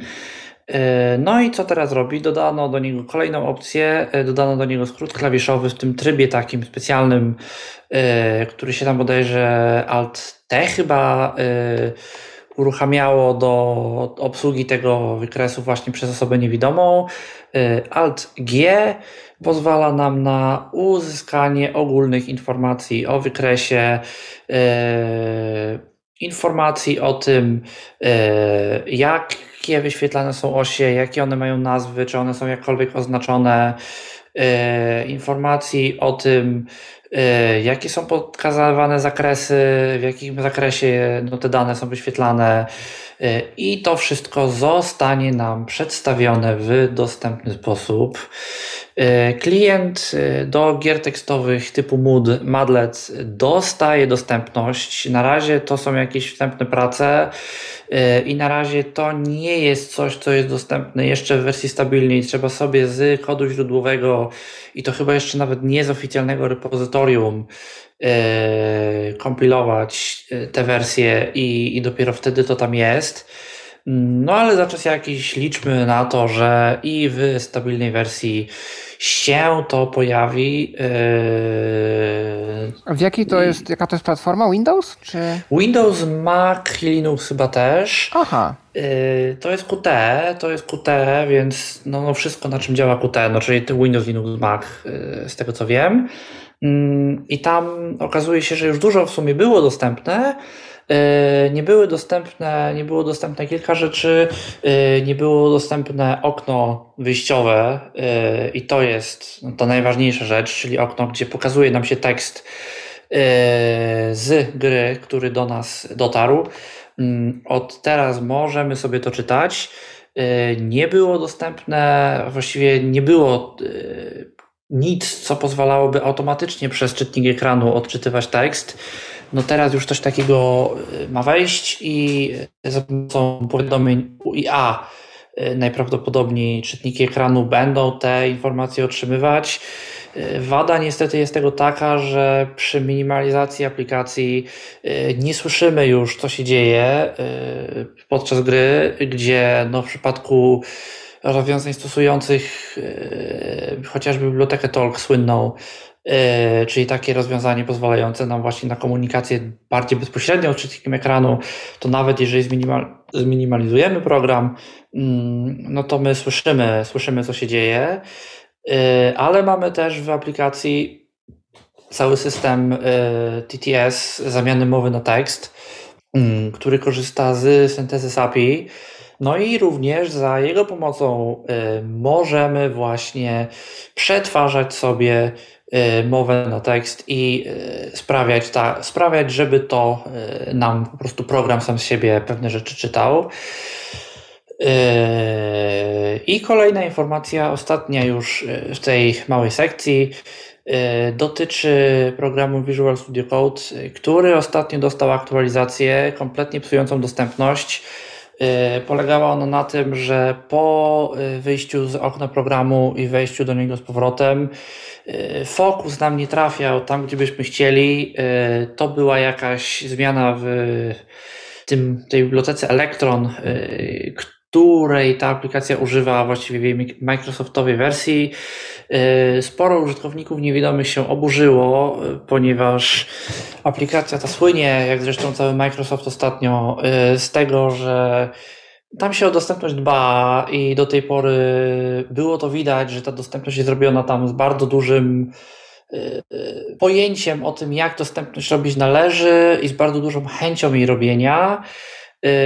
Zaczęło się kilka dyskusji o tym, że to tak nie powinno, nie, to nie powinno było w ogóle mieć miejsca, bo błąd został dostrzeżony yy, jeszcze przed ukazaniem się tej wersji stabilnej, ale nie został uznany przez twórców za na tyle krytyczny, żeby powstrzymać yy, wydanie. Na szczęście ukazała się wersja 1.69.1 po kilku dniach która ten błąd naprawiła y, i nie musieliśmy czekać na, na pełen cykl wydawniczy, na wersję 1.70. No, miejmy nadzieję, y, co ja też zresztą nie tylko ja zasugerowałem Państwu z Microsoftu, mm, że należy wyciągnąć z tego wnioski i tak jak bardzo często w wielu firmach działy związane z bezpieczeństwem i działy związane na przykład z obsługą prawną E, mają możliwość powstrzymania lub wycofania pewnej wersji, jeżeli znajdą w niej coś bardzo niepokojącego, e, no to żeby taki sam przywilej został przyznany działowi dostępności, że jeżeli coś takiego się stanie, no to żeby móc szybciej zareagować niż to miało miejsce w chwili obecnej, bo pamiętajmy o tym, że w przypadku takich narzędzi mamy osoby, które wykorzystują te narzędzia profesjonalnie, wykorzystują te narzędzia w pracy i to osoby oczywiście niewidome i ich wcale nie jest tak mało. No i co? Okazuje się nagle, że y, mamy coś do zrobienia, mamy jakieś terminy, a nagle wychodzi nam tu aktualizacja instalująca się jeszcze swoją drogą w ogóle automatycznie, która nam psuje dostępność i musimy się męczyć jak te aktualizacje wycofać, co było do zrobienia, ale były też takie raporty, że no bo ja niby aktualizację wycofałem i mam teraz odpalone dwie instancje programu i ja mam jedną, która jest w tej wersji 1.68, ale jak próbuję odpalić jeszcze jedną, to się uruchamia wersja 1.69 i, i to, to nie było wcale takie proste, jakby się mogło wydawać. Więc liczmy na to, że Microsoft wyciągnie pewne konsekwencje z tego błędu, bo ja uważam, że tutaj konsekwencje absolutnie należy, należy wyciągnąć. I pozostają. Aha. Aha, myślałem, że ktoś coś jeszcze chce powiedzieć, Paweł na przykład, ale yy, no skoro Paweł, Paweł poniekąd wywołałem w pewnym sensie, no to został nam jeszcze jeden taki pakiet różnych drobnych newsów, tym razem newsów niekoniecznie technologicznych, ale za to ze świata. Tak, i tu mam tylko kilka. Ja najpierw no ze świata, potem jeszcze zostały nam gry audio, więc spróbujmy się tutaj z tym uporać. E, więc tak, no przede wszystkim inteligentny chodzik dla osób niewidomych. E, chodzik, czyli no jak myślimy o tym, tak, osoby starsze, e, które no już nie są w stanie o własnych siłach iść. Na pewno mm, kojarzycie takie urządzenie jak właśnie chodzik, czyli te, czy też tak zwany no balkonik to do końca nie jest, bo yy, chodzik ma swego rodzaju też kółka. No, jest to takie urządzenie wspomagające. No i rodzi się tu myśl, jak osoba właśnie taka starsza, ale jednocześnie niewidoma, ma z czegoś takiego korzystać. No bo jak można podpierać się e, na chodziku i jednocześnie używać laski? No i tutaj z tym problemem chce się rozprawić ośrodek Bartimeus, znany holenderski, który jest z jednej strony taką szkołą dla niewidomych, z drugiej strony takim trochę centrum badawczym. No i się okazuje, że y, są tam osoby, które y, jakoś chcą działać na rzecz tego, żeby powstało takie urządzenie. Y, I przy współpracy z Wyższą Szkołą Designu w Nijmegen chcą one stworzyć dokładnie takie urządzenie. No i mamy tutaj informacje na ten temat. Jedną z pomocy, z której korzystają osoby starsze, 55, plus, e, jest chodzik. E, ale jeśli widzisz niewiele lub nic, normalny rolator, e, czyli właśnie taki chodzik, na to się mówi rolator w wielu językach, nie jest przydatny. Nie możesz używać jednocześnie z laską. Dlatego zespół do spraw innowacji Bartimeus przy wsparciu funduszu Bartimeus opracował inteligentny rolator, który pozwala również osobom starszym z wadami wzroku zachować mobilność. Jak to się zaczęło? Erik Weleman i zresztą Erika Welemana um, można było poznać przy okazji ICC 2015 w Bartimeusie właśnie w Zaist. E, więc e, ja zawsze wspominam o tym, bo to gdzieś w jakiś sposób się wszystko ze sobą plecie i, wiąże, że jednak nie jesteśmy tą samotną wyspą i to wszystko jest gdzieś ze sobą połączone i się te osoby gdzieś pojawiają. E, Erik Weleman jest ekspertem do spraw innowacji w firmie Bartimeus. Wyjaśnia, jak powstał ten projekt. Terapeuta zajęciowy powiedział, że mieszkaniec potrzebuje chodzika, ale chodzenie e, z chodzikiem i laską w tym samym czasie nie jest możliwe. Jego pytanie brzmiało, czy moglibyśmy opracować rolator, który przejmie część funkcji laski. Zaczęliśmy nad tym pracować jakieś dwa lata temu. Pomoc od studentów. Oprócz pracy w zespole do spraw innowacji Bartimeus, Erik jest również wykładowcą Inclusive Digital Design Engineering w Hoges Hall van Arnhem Nijmegen, e, czyli w Nijmegen. E, uczniowie z HAN badali, w jaki sposób można przekazywać informacje nawigacyjne i jak wykorzystać wibracje, aby sprawdzić, czy zbliża się niebezpieczeństwo. Skontaktowaliśmy się również z Fair2 Media, e, firmą, która pomaga wypracować nowe, kreatywne rozwiązania. Nadaje się do każdego rolatora. W ten sposób wpadliśmy razem na pomysł osobnego modułu. Smart Rollator nie jest więc tak naprawdę rollatorem, a rodzajem pudełka z czterema kamerami, które można przymocować do dowolnego rollatora. Tak działa Smart Rollator. Czujniki w module wykrywają przeszkody. Za pomocą uchwytów wibrujące sygnały informują o tym, czy przeszkoda znajduje się z lewej, z prawej czy z przodu. Użytkownik może ustawić czujniki w taki sposób, aby uwzględniała prędkość chodzenia. Czujniki widzą także głębokość, np. klatkę schodową, a następnie ostrzegają użytkownika. Moduł nadaje się teraz tylko do użytku w pomieszczeniach. Różni mieszkańcy Bartimeus testowali Smart Rollator i za każdym razem skutkowało to punktami do poprawy. Podobnie jak przycisk włączania-wyłączania. Teraz jest łatwiejszy w obsłudze.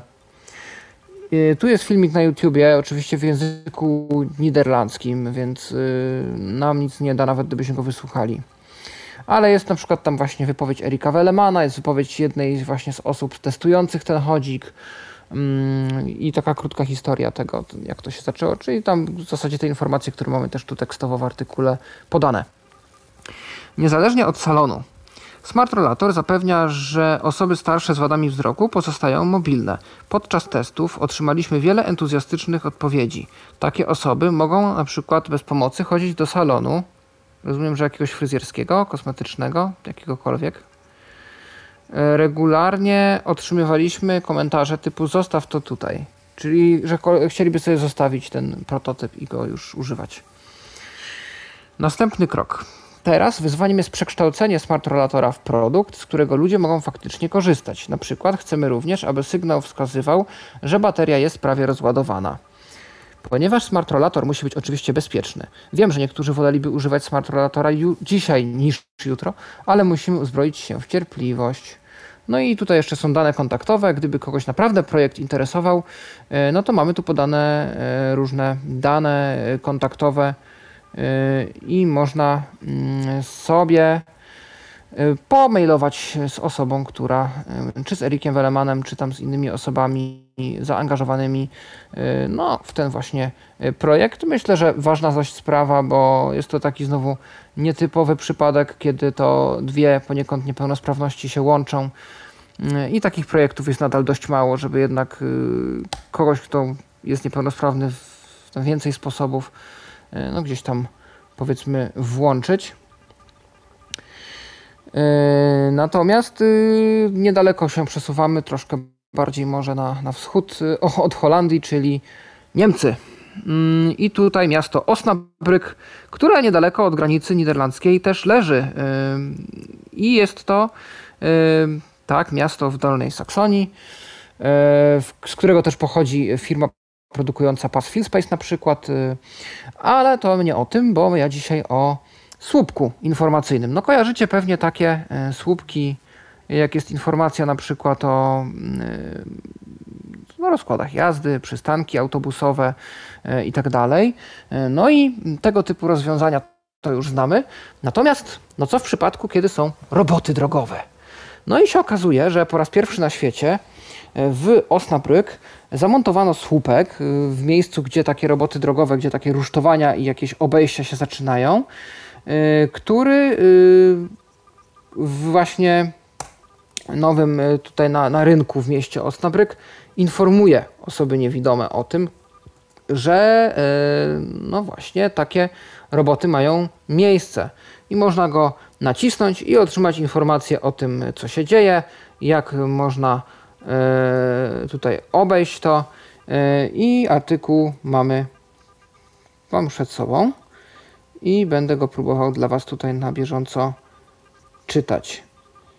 E, więc tak, przedsiębiorstwo RTB przy współpracy z firmą tworzącą systemy nawigacji dla osób niewidomych, te linii, linii prowadzących, Fabema firma się nazywa, stworzyła system, który mm, poprzez akustyczne sygnały prowadzi osoby niewidome y, w sposób bezpieczny wokół robót drogowych. Mm, po raz pierwszy zaprezentowana na nowym rynku w Osnabrück. No i tu mamy informację. Fabema Blina, tak, Fabema Blina jest y, Y, słupem nawigacyjno-informacyjnym dla mobilności, y, który pomaga w nawigowaniu y, osób niewidomych wokół punktów niebezpieczeństwa mm, i strefy niebezpieczne. Aby to osiągnąć, słup informuje także o lokalnych różnych możliwościach, nie wiem, czy połączeń, czy też obejść na dworcach i lotniskach.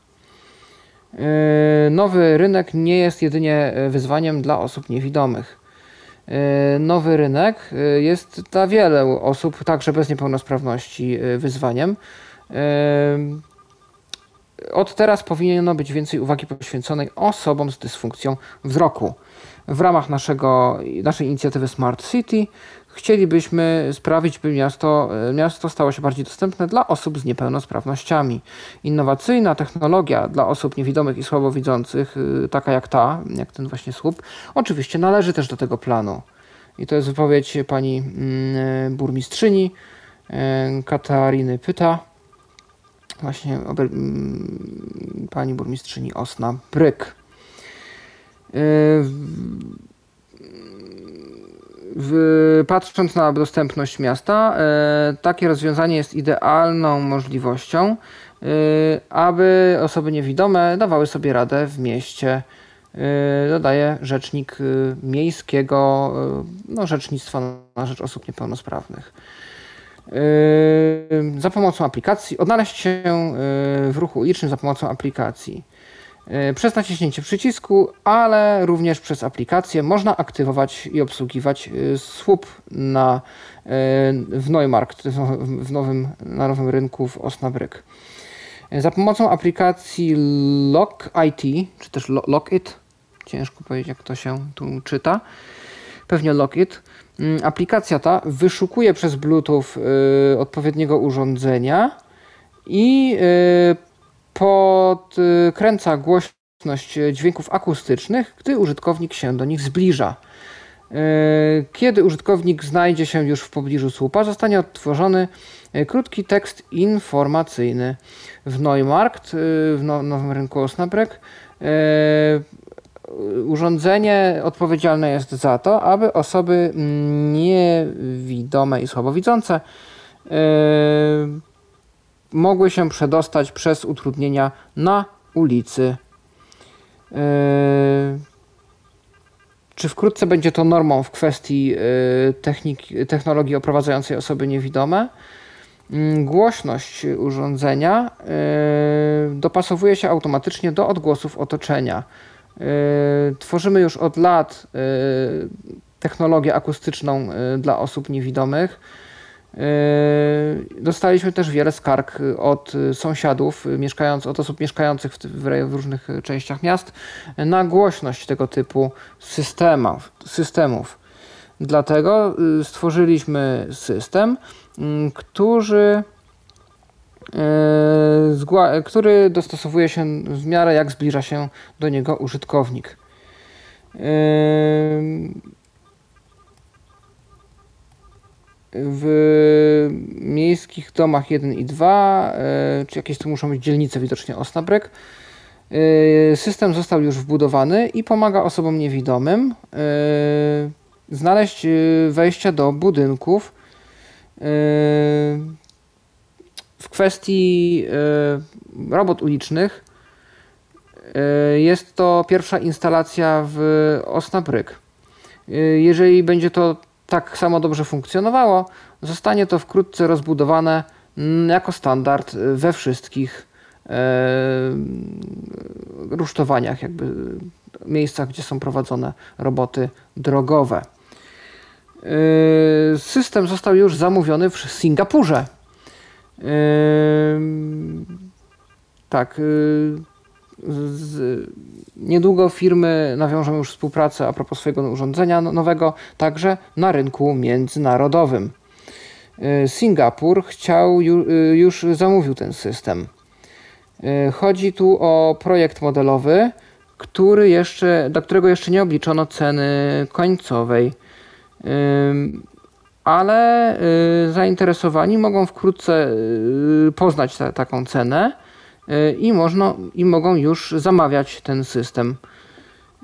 Można też oprócz oczywiście zakupu takie urządzenie wynająć w dzierżawę.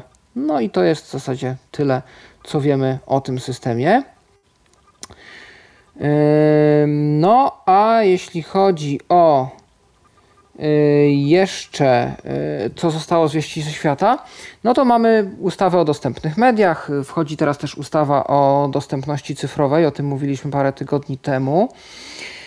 Y, no i okazuje się, że zaczyna się dziać w kwestii dostępności apek telewizyjnych, bo o tym, że Kanal Plus we Francji prowadzi jakieś tam testy, to już mówiłem no, pod koniec zeszłego roku. E, no a że aplikacja Kanal Plus jest jedna dla, czy to jesteśmy we Francji, czy w Polsce, no to dla nas jest to dobra wiadomość, bo te poprawki też przeskoczą wtedy do nas. Mamy już dokładniejsze gdzieś szacunki i zdaje się, że Kanal Plus w myśl właśnie tych e, nowych rewelacji legislacyjnych chce udostępnić swoją aplikację i treści tam dostępne dla osób niepełnosprawnych do poziomu zdaje się 30% e, do końca bieżącego roku, więc Plan jest ambitny, będzie to dalej w najbliższych latach poszerzane, więc tu jakby praca aktywnie trwa. I super, miejmy nadzieję, że wkrótce e, my też e, jako abonenci Kanal Plus mm, się o tym przekonamy. E, kolejną taką platformą jest Orange, czy tam Orange TV, no czyli telewizja Orange we Francji. Tam również aplikacja otrzymała poprawki dostępności i audiodeskrypcja również się tam pojawiła. No i ostatni kraj, który, gdzie się niewidomi domogli w końcu usprawnień e, na swoją rzecz, e, przy współpracy oczywiście lokalnego Związku Niewidomych, są Węgry. I tutaj chodzi o Vodafona, który no nie dość, że aplikację udostępnił, e, to jeszcze wprowadził także opcję audio audiodeskrypcji dla dostępnych materiałów e, i tą audiodeskrypcję można też włączyć na dekoderach e, Vodafonu. Nie ma co prawda mowy, żeby dekodery, te media boxy tak zwane, stały się też dostępne z udźwiękowieniem na przykład, a szkoda, bo będzie to y, gdzieś też wymogiem w, w myśl Europejskiej Ustawy o Dostępności. No natomiast Francja, Węgry, inne kraje prawdopodobnie też, no a Polska bo nasze aplikacje lokalne, czy jest to player, czy jest to ta aplikacja TVP, czy jest to IPLA, czy różne platformy VOD, nie wiem, Onetu yy, i tak dalej, Chili, tam inne, na których można sobie wypożyczyć nawet filmy za opłatą. No, cieniutko, bo i dostępność nie domaga, i audiodeskrypcji dla tych materiałów nie widać. Yy, I, i, i yy, tylko niektóre materiały w dedykowanych portalach gdzieś tam są dostępne. E, a to, co gdzieś tam w telewizji poleci i audiodeskrypcję ma, no to raczej później e, w różnych usługach VOD z tą audiodeskrypcją dostępne nie jest. Więc ja tu liczę na to, że Polska też się do roboty weźmie i wkrótce zobaczymy gdzieś efekty tej pracy. Mam taką nadzieję, a co z tego wyjdzie, no to się oczywiście okaże, to się o tym oczywiście przekonamy. No i ostatnia rzecz to taki mini poradnik turystyczny. E, teraz się zbliżają wakacje i oczywiście drogo jest i e, no niewielu z nas gdzieś się decyduje na wakacje. E, natomiast mimo to myślę, że od czasu do czasu mogę Wam opowiedzieć o pewnych dostępnych zabytkach, bo może kiedyś będziecie mieli ochotę się wybrać, a może mimo wszystko w tym roku szukacie jakiegoś celu i chcielibyście też skorzystać z jakiegoś dostępnego wypoczynku i kultury. No więc pierwsza rzecz to jest takie doświadczenie moje, osobiste, którym bym się chciał podzielić. E, byłem w Innsbrucku, dlatego też mnie nie było tydzień temu tu z Wami na Tyflo Przeglądzie. E, a Innsbruck akurat w tym okresie, kiedy ja tam przyjechałem, przedstawił w jednym ze swoich muzeów, dokładnie w Volkskunstmuseum, Tiroler Volkskunstmuseum, czyli Tyrolskie Muzeum Sztuki Ludowej, jeżeli dobrze tłumaczę, nowy system, w ogóle całą taką inicjatywę E, wsparcia dla osób niewidomych, ale zaczęło się od linii prowadzących. Linie prowadzące, które witają nas od samego wejścia, e, można zidentyfikować je przy drzwiach wejściowych do muzeum. E, można tam wejść, można dotrzeć sobie do kasy biletowej, co nie jest aż tak konieczne, bo my wchodzimy tam za darmo, to mogę już przepowiedzieć. I docieramy, bo na każdym piętrze i na parterze również takie coś jest, jest brajlowska makieta. No i na tej makiecie teoretycznie możemy się zorientować, y, co w tym muzeum jest, gdzie się znajdują poszczególne ekspozycje, gdzie znajdują się y, schody na górę, windy na górę, toalety, kasy, wyjście na zewnątrz i różne inne punkty. Oczywiście, gdy wejdziemy na pierwsze piętro, y, to podobne makiety będą nas prowadzić już do ekspozycji, do biur muzealnych i tak. Z tymi man ma mankietami, proszę makietami, miałem e, niemały problem, bo no nie ukrywam, że jak ktoś tak wejdzie e, z ulicy i wcześniej z tym systemem do czynienia nie miał, e, no to może się ciężko zdziwić, bo tu jakieś linie prowadzące od punktu, bo oczywiście jest legenda w Braille'u, można się zapoznać, które symbole co oznaczają, te makiety są dość duże, ale mimo to, no nagle się okaże, że tu jakaś linia prowadząca biegnie, a tu nie biegnie żadna, I mi ktoś musiał wyjaśnić, jak to działa, żebym w końcu załapał, bo się okazuje, że no, nawet taka duża makieta swoje ograniczenia ma i nie wszystko się na niej mieści, w związku z czym wielu rzeczy trzeba się domyślać. Dla wielu mm, gdzieś tam pojawiły się jakieś yy, skróty, że trzeba było się domyślić, że tutaj trzeba skręcić w prawo. No, przykładowo, ja sobie stoję w jednym miejscu i żeby dojść do wyjścia z muzeum, muszę obrócić się w prawo, E, na linii prowadzącej, a następnie znowu w prawo. Czyli robię taki łuk, jakby obracam się w prawo i potem w prawo znowu do wyjścia do drzwi. No i ten zakręt pierwszy w prawo nie był pokazany. Pokazany był mój punkt, przerwa, na której nie było nic yy, i potem tak pionowo jakby w dół yy, w sposób jakby równoległy do tej mojej kropki już biegły te linie do wyjścia.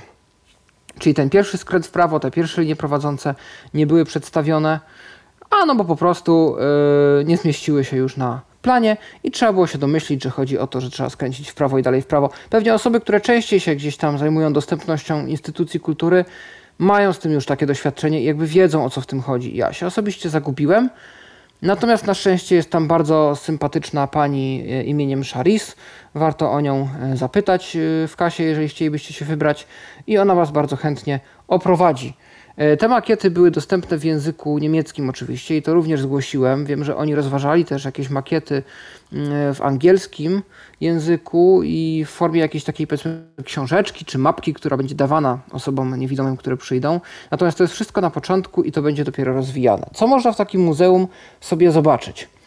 Można sobie zobaczyć oryginalne zachowane izby tyrolskie e, z no, XVI-XVII wieku.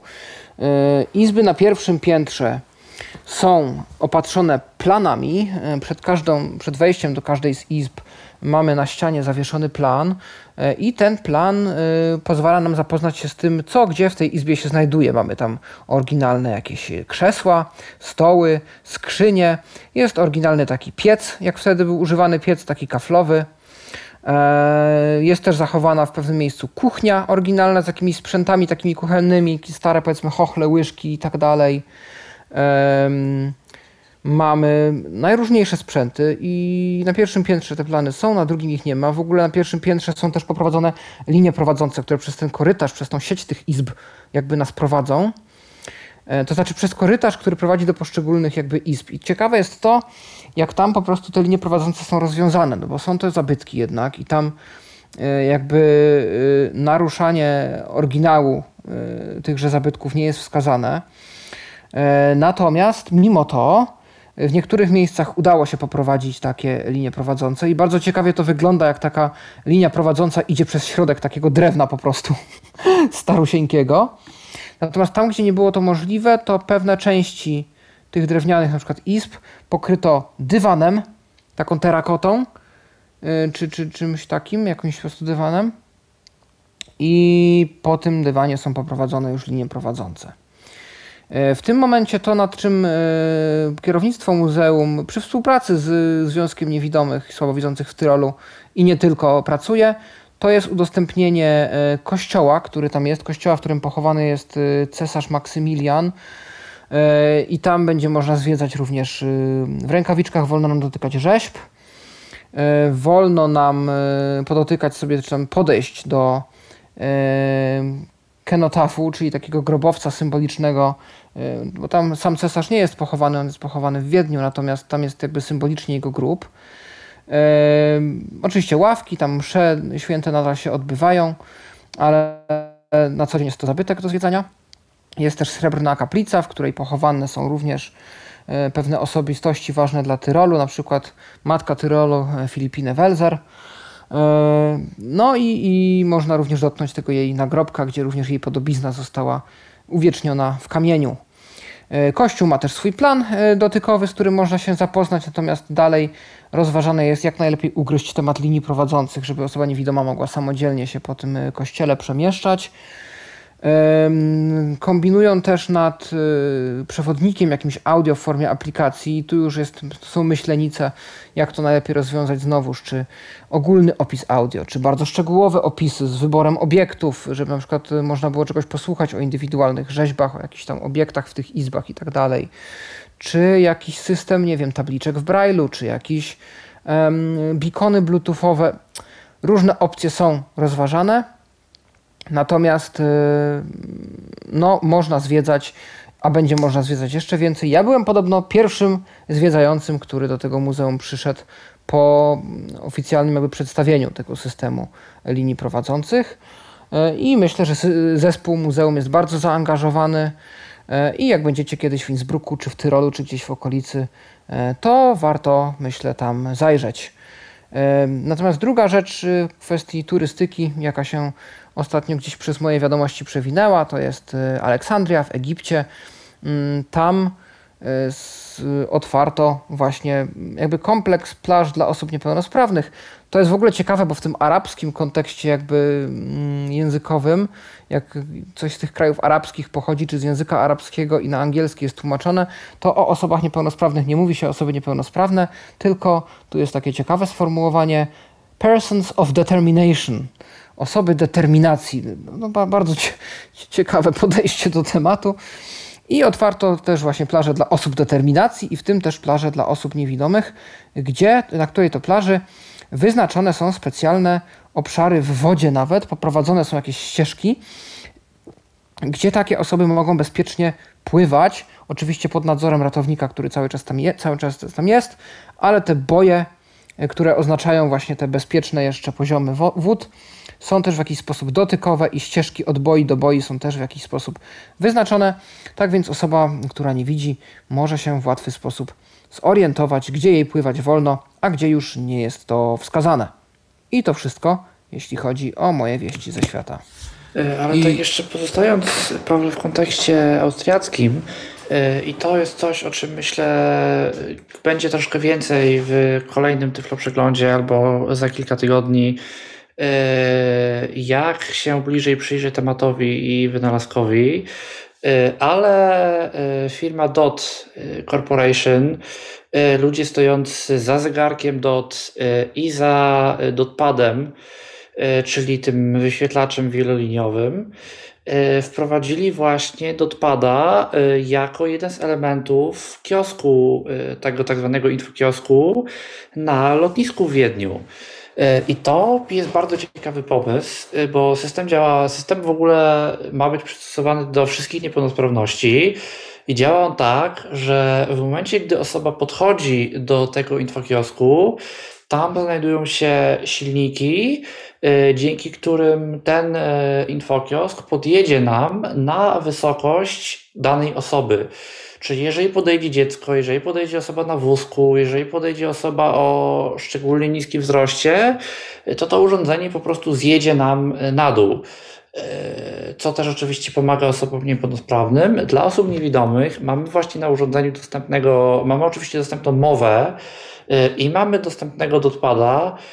Y, dotpad, y, przypomnijmy, to jest urządzenie, które z jednej strony ma y, no, wyświetlacz dwuwymiarowy, dotykowy, dotykowy na zasadzie, że my możemy go dotknąć, niekoniecznie, że reagujący na nasz dotyk, a pod nim znajduje się 20-znakowy monitor brailleowski do wyświetlania tekstu. Czyli na dotpadzie ma się znajdować obraz, a na monitorze brailleowskim może się znajdować tekst. I my, jako osoba niewidoma, jesteśmy sobie podobno w stanie otworzyć mapę lotniska, yy, wskazać nawet, gdzie chcemy iść, żeby została nam wytyczona trasa.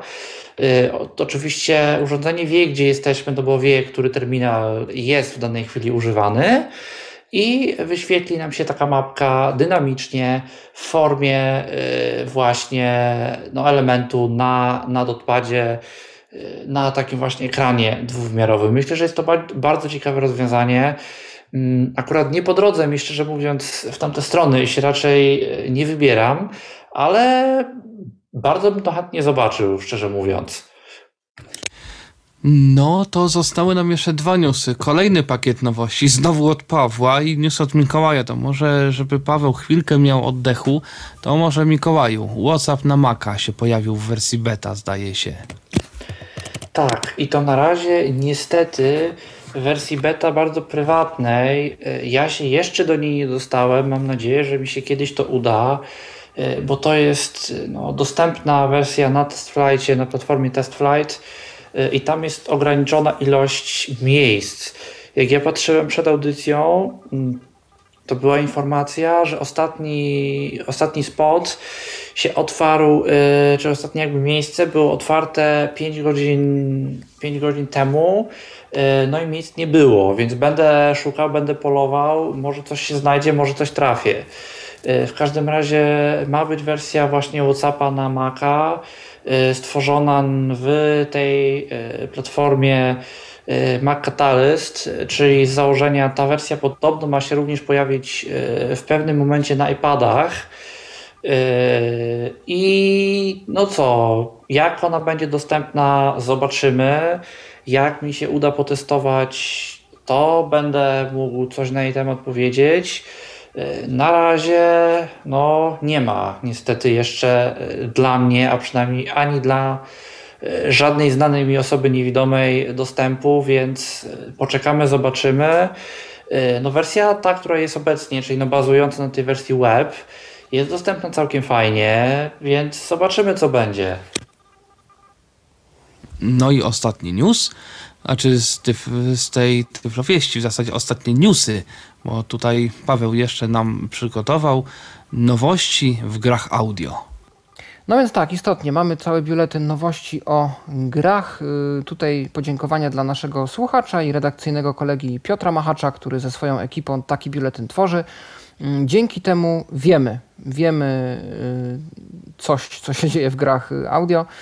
Mm, I w tym miesiącu trochę się działo, bo wyszło trochę nowych rzeczy, trochę rzeczy się gdzieś tam uaktualniło i spróbujmy sobie to szybko podsumować. E, po pierwsze ukazała się publiczna beta, publiczne demo zasadniczo gry 1428 Shadows over Silesia, czyli gra, o której no, nie tylko mówiliśmy, ale też mamy już jej prezentację dzięki Tomkowi Tworkowi w ramach Tyflo Podcastu. Mm, możecie sobie już zagrać w nią, przynajmniej w, te, w ten początek, który tam gdzieś tam był udostępniony.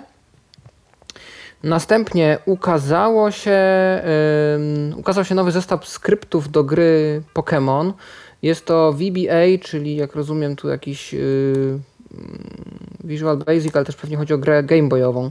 Pokémon Emerald Access. Yy, ponoć y, jest to skrypt, który teraz otrzymuje dość dużo uwagi ze strony społeczności, rozwija się, y, bazuje dość mocno na Pokémon Access y, i, i ma ma różne funkcje, y, tak jak kamera i mm, znajdywanie drogi.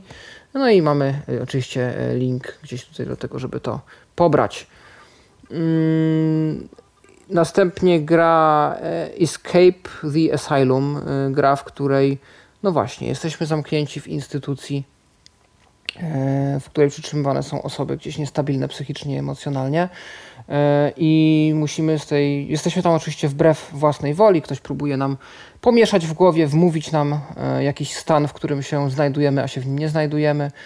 E, I gdzieś musimy wykorzystać okazję, że jeden z naszych powiedzmy opiekunów tam gdzieś jakąś krzywdę sobie zrobił i możemy sobie spróbować uciec. Więc tutaj gdzieś mamy taki plot i, i na tym on polega. Na tym polega akcja całej tej gry. E, Yu-Gi-Oh! Access. E, tutaj e, już został przedstawiony, więc nie wiem, czy to jest, to jest ta beta pewnie na Discordzie, o której mówiliśmy. Factorio Access, o tym również mówiliśmy, mod dostępnościowy dla gry Factorio i aktualizacje do gier, które już są. Jest taka sobie e, firma, takie studio czy grupa ludzi tworzących gry jak VG Storm e, i od teraz można kupować ich gry wszędzie tam, gdzie PayPal nie działa, albo jak nie chcemy płacić PayPalem, to możemy płacić, bo wreszcie można to robić Stripe'em, czyli można też pewnie podać numer karty bezpośrednio na przykład. Stripe to teraz i przelewy 24 nawet wspiera, więc jeżeli to jest tam ładnie ustawione i skonfigurowane, to yy, bardzo możliwe, że i tym będzie się dało płacić. Ja już widziałem inną stronę amerykańską, gdzie mi blik wyskoczył jako forma płatności. Mhm. no i aby jakoś to zaświętować, to, mm, to można kupić sobie gry są też kody promocyjne, można generować. No i jest kod Worldwide, WorldWide, kod promocyjny, który daje nam zniżkę 20% na wszelkie zakupy powyżej 50 dolarów. Yy, Beyond the Chiron Gate, jak rozumiem, tak się czyta tytuł tej gry. Oprócz Windowsa wyszła też na iOSa i Androida. Yy, tak, y, Erion Mood y, dostał aktualizację, nowe, nowe dźwięki, nowe jakieś tam powiedzmy zdarzenia y, obskryptowane dźwiękami i dużo więcej zmian. Stellar Ion jest testowany nowy, nowy świat i będą, będą tam przenoszone daty i będzie można test, dane będą tam przenoszone i można testować na testowym serwerze. Y, aktualizacja Fight, czyli takiego symulatora walk, różnych sztuki walk chyba. Y, I można tam podglądać, jak sobie radzą nasi przyjaciele w swoich walkach i usprawniony system uderzeń. Nowy obszar i usprawnienia w systemie tworzenia przedmiotów w Alterajonie i nowe dźwięki, aktualizacja gry Audio Duel i tam mm, więcej dźwięków otoczenia, y, więcej y, żyć w pojedynczej warstwie i y, usprawnienia syntezy mowy. Mm, aktualizacja Warsima również y, w, w czerwcu. Teraz wszyscy najemnicy i żołnierze używają nowego systemu walki. Można także wysyłać y, potwory na walkę y, i wiąże się to z tym, że mają one dużo więcej teraz opisów tekstowych. I można też wyposażać nasze potwory w zbroję. I też były różne poprawki i aktualizacje w systemie najemników. I to wszystko na czerwiec. No, aż się boję pomyśleć, jakie to rzeczy czekają na nas w lipcu. Znając życie, będą znowu kolejne dostępnościowe kwestie w Alterionie, bo tam się dużo dzieje. E, to jest w ogóle, ten mód to jest w ogóle od 95 roku zdaje się robiony i on już ma w takim razie lat dużo i, i tam rzeczywiście tych obszarów dodaje się no, no sporo. Swego czasu grałem, nawet jest podcast też zrobiony na Alterionie, tutaj na Tyflo Podcaście. Ja sobie tak obiecuję, że do tego wrócę, ale jakoś, jakoś mi się to nie udaje do tej pory. E, no i chyba w takim razie przechodzimy do nowości e, bardziej technologicznych, mniej związanych z naszym środowiskiem, że się tak wyrażę. I zaczynamy od takiej informacji, że InPost wprowadza swoje paczkomaty w wersji bez ekranu.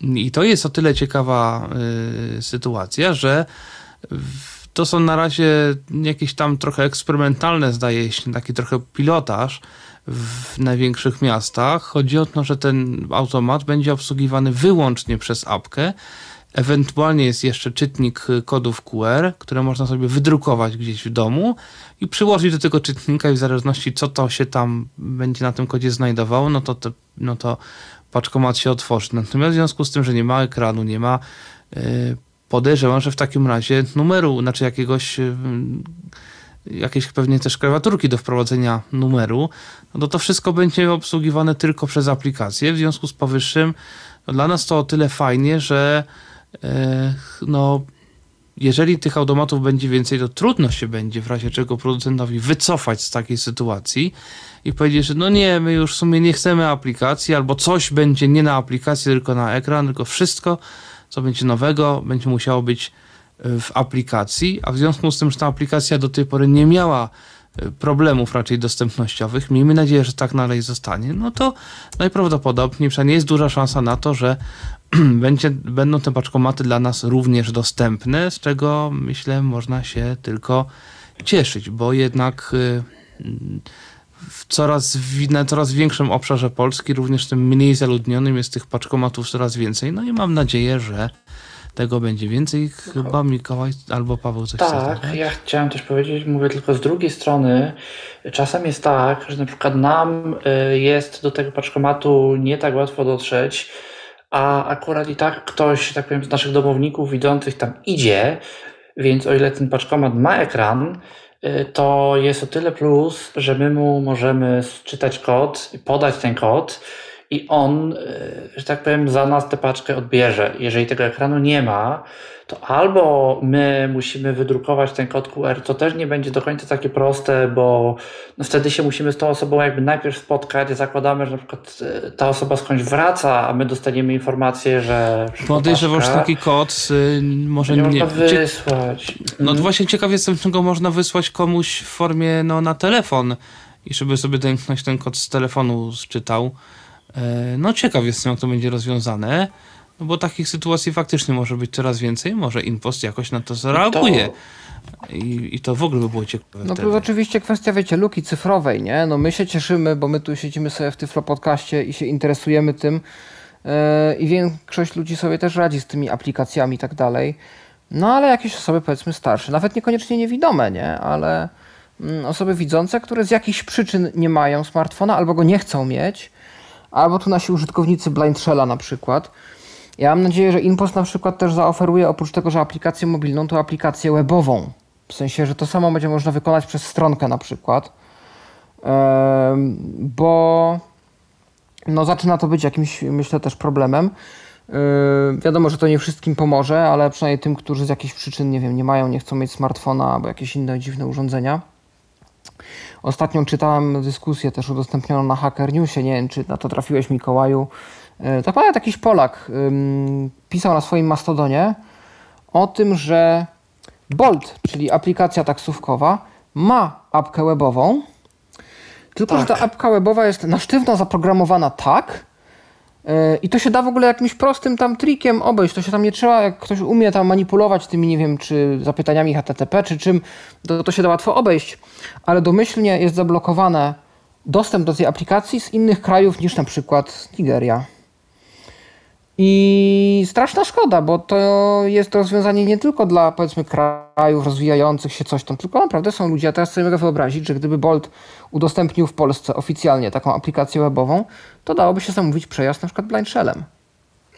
Tak, ja na przykład z tej perspektywy jestem też bardzo dużym fanem Blika, y, bo często nam się zdarza, no w przypadku na przykład mówię o osobach niewidomych, że trafimy na sklep, który albo nie jest z jakichś przyczyn dostępny, albo poniekąd nie może być, czyli sklep powiedzmy jest dostępny, ale y, nie, nie jest na przykład dostępny, nie są dostępne obrazki, mamy kilka produktów, te produkty są obrazkowane i my tak naprawdę nie za bardzo wiemy, który chcemy.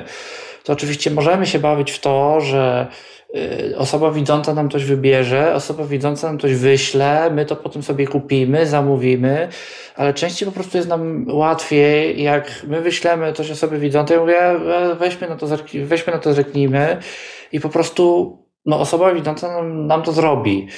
Y, Tylko przed blikiem był zawsze taki problem, no co z płatnością, bo albo byśmy mog- mogli podać komuś hasło do banku, a to jest raczej ryzykowna operacja, albo byśmy mogli podać komuś dane karty, które też są właściwie ryzykowną operacją. Albo zwyczajnie mu się, no to ja ci oddam, nie? No ale to też y, Dokładnie. z drugiej strony jest, Tak. można powiedzieć. Nie? No, tu po Ryzykowną prostu operacją. A tutaj ktoś po prostu może nam dokładnie. wziąć y, Kod i, i już. I mi się zdarzało tak, tak działać na przykład.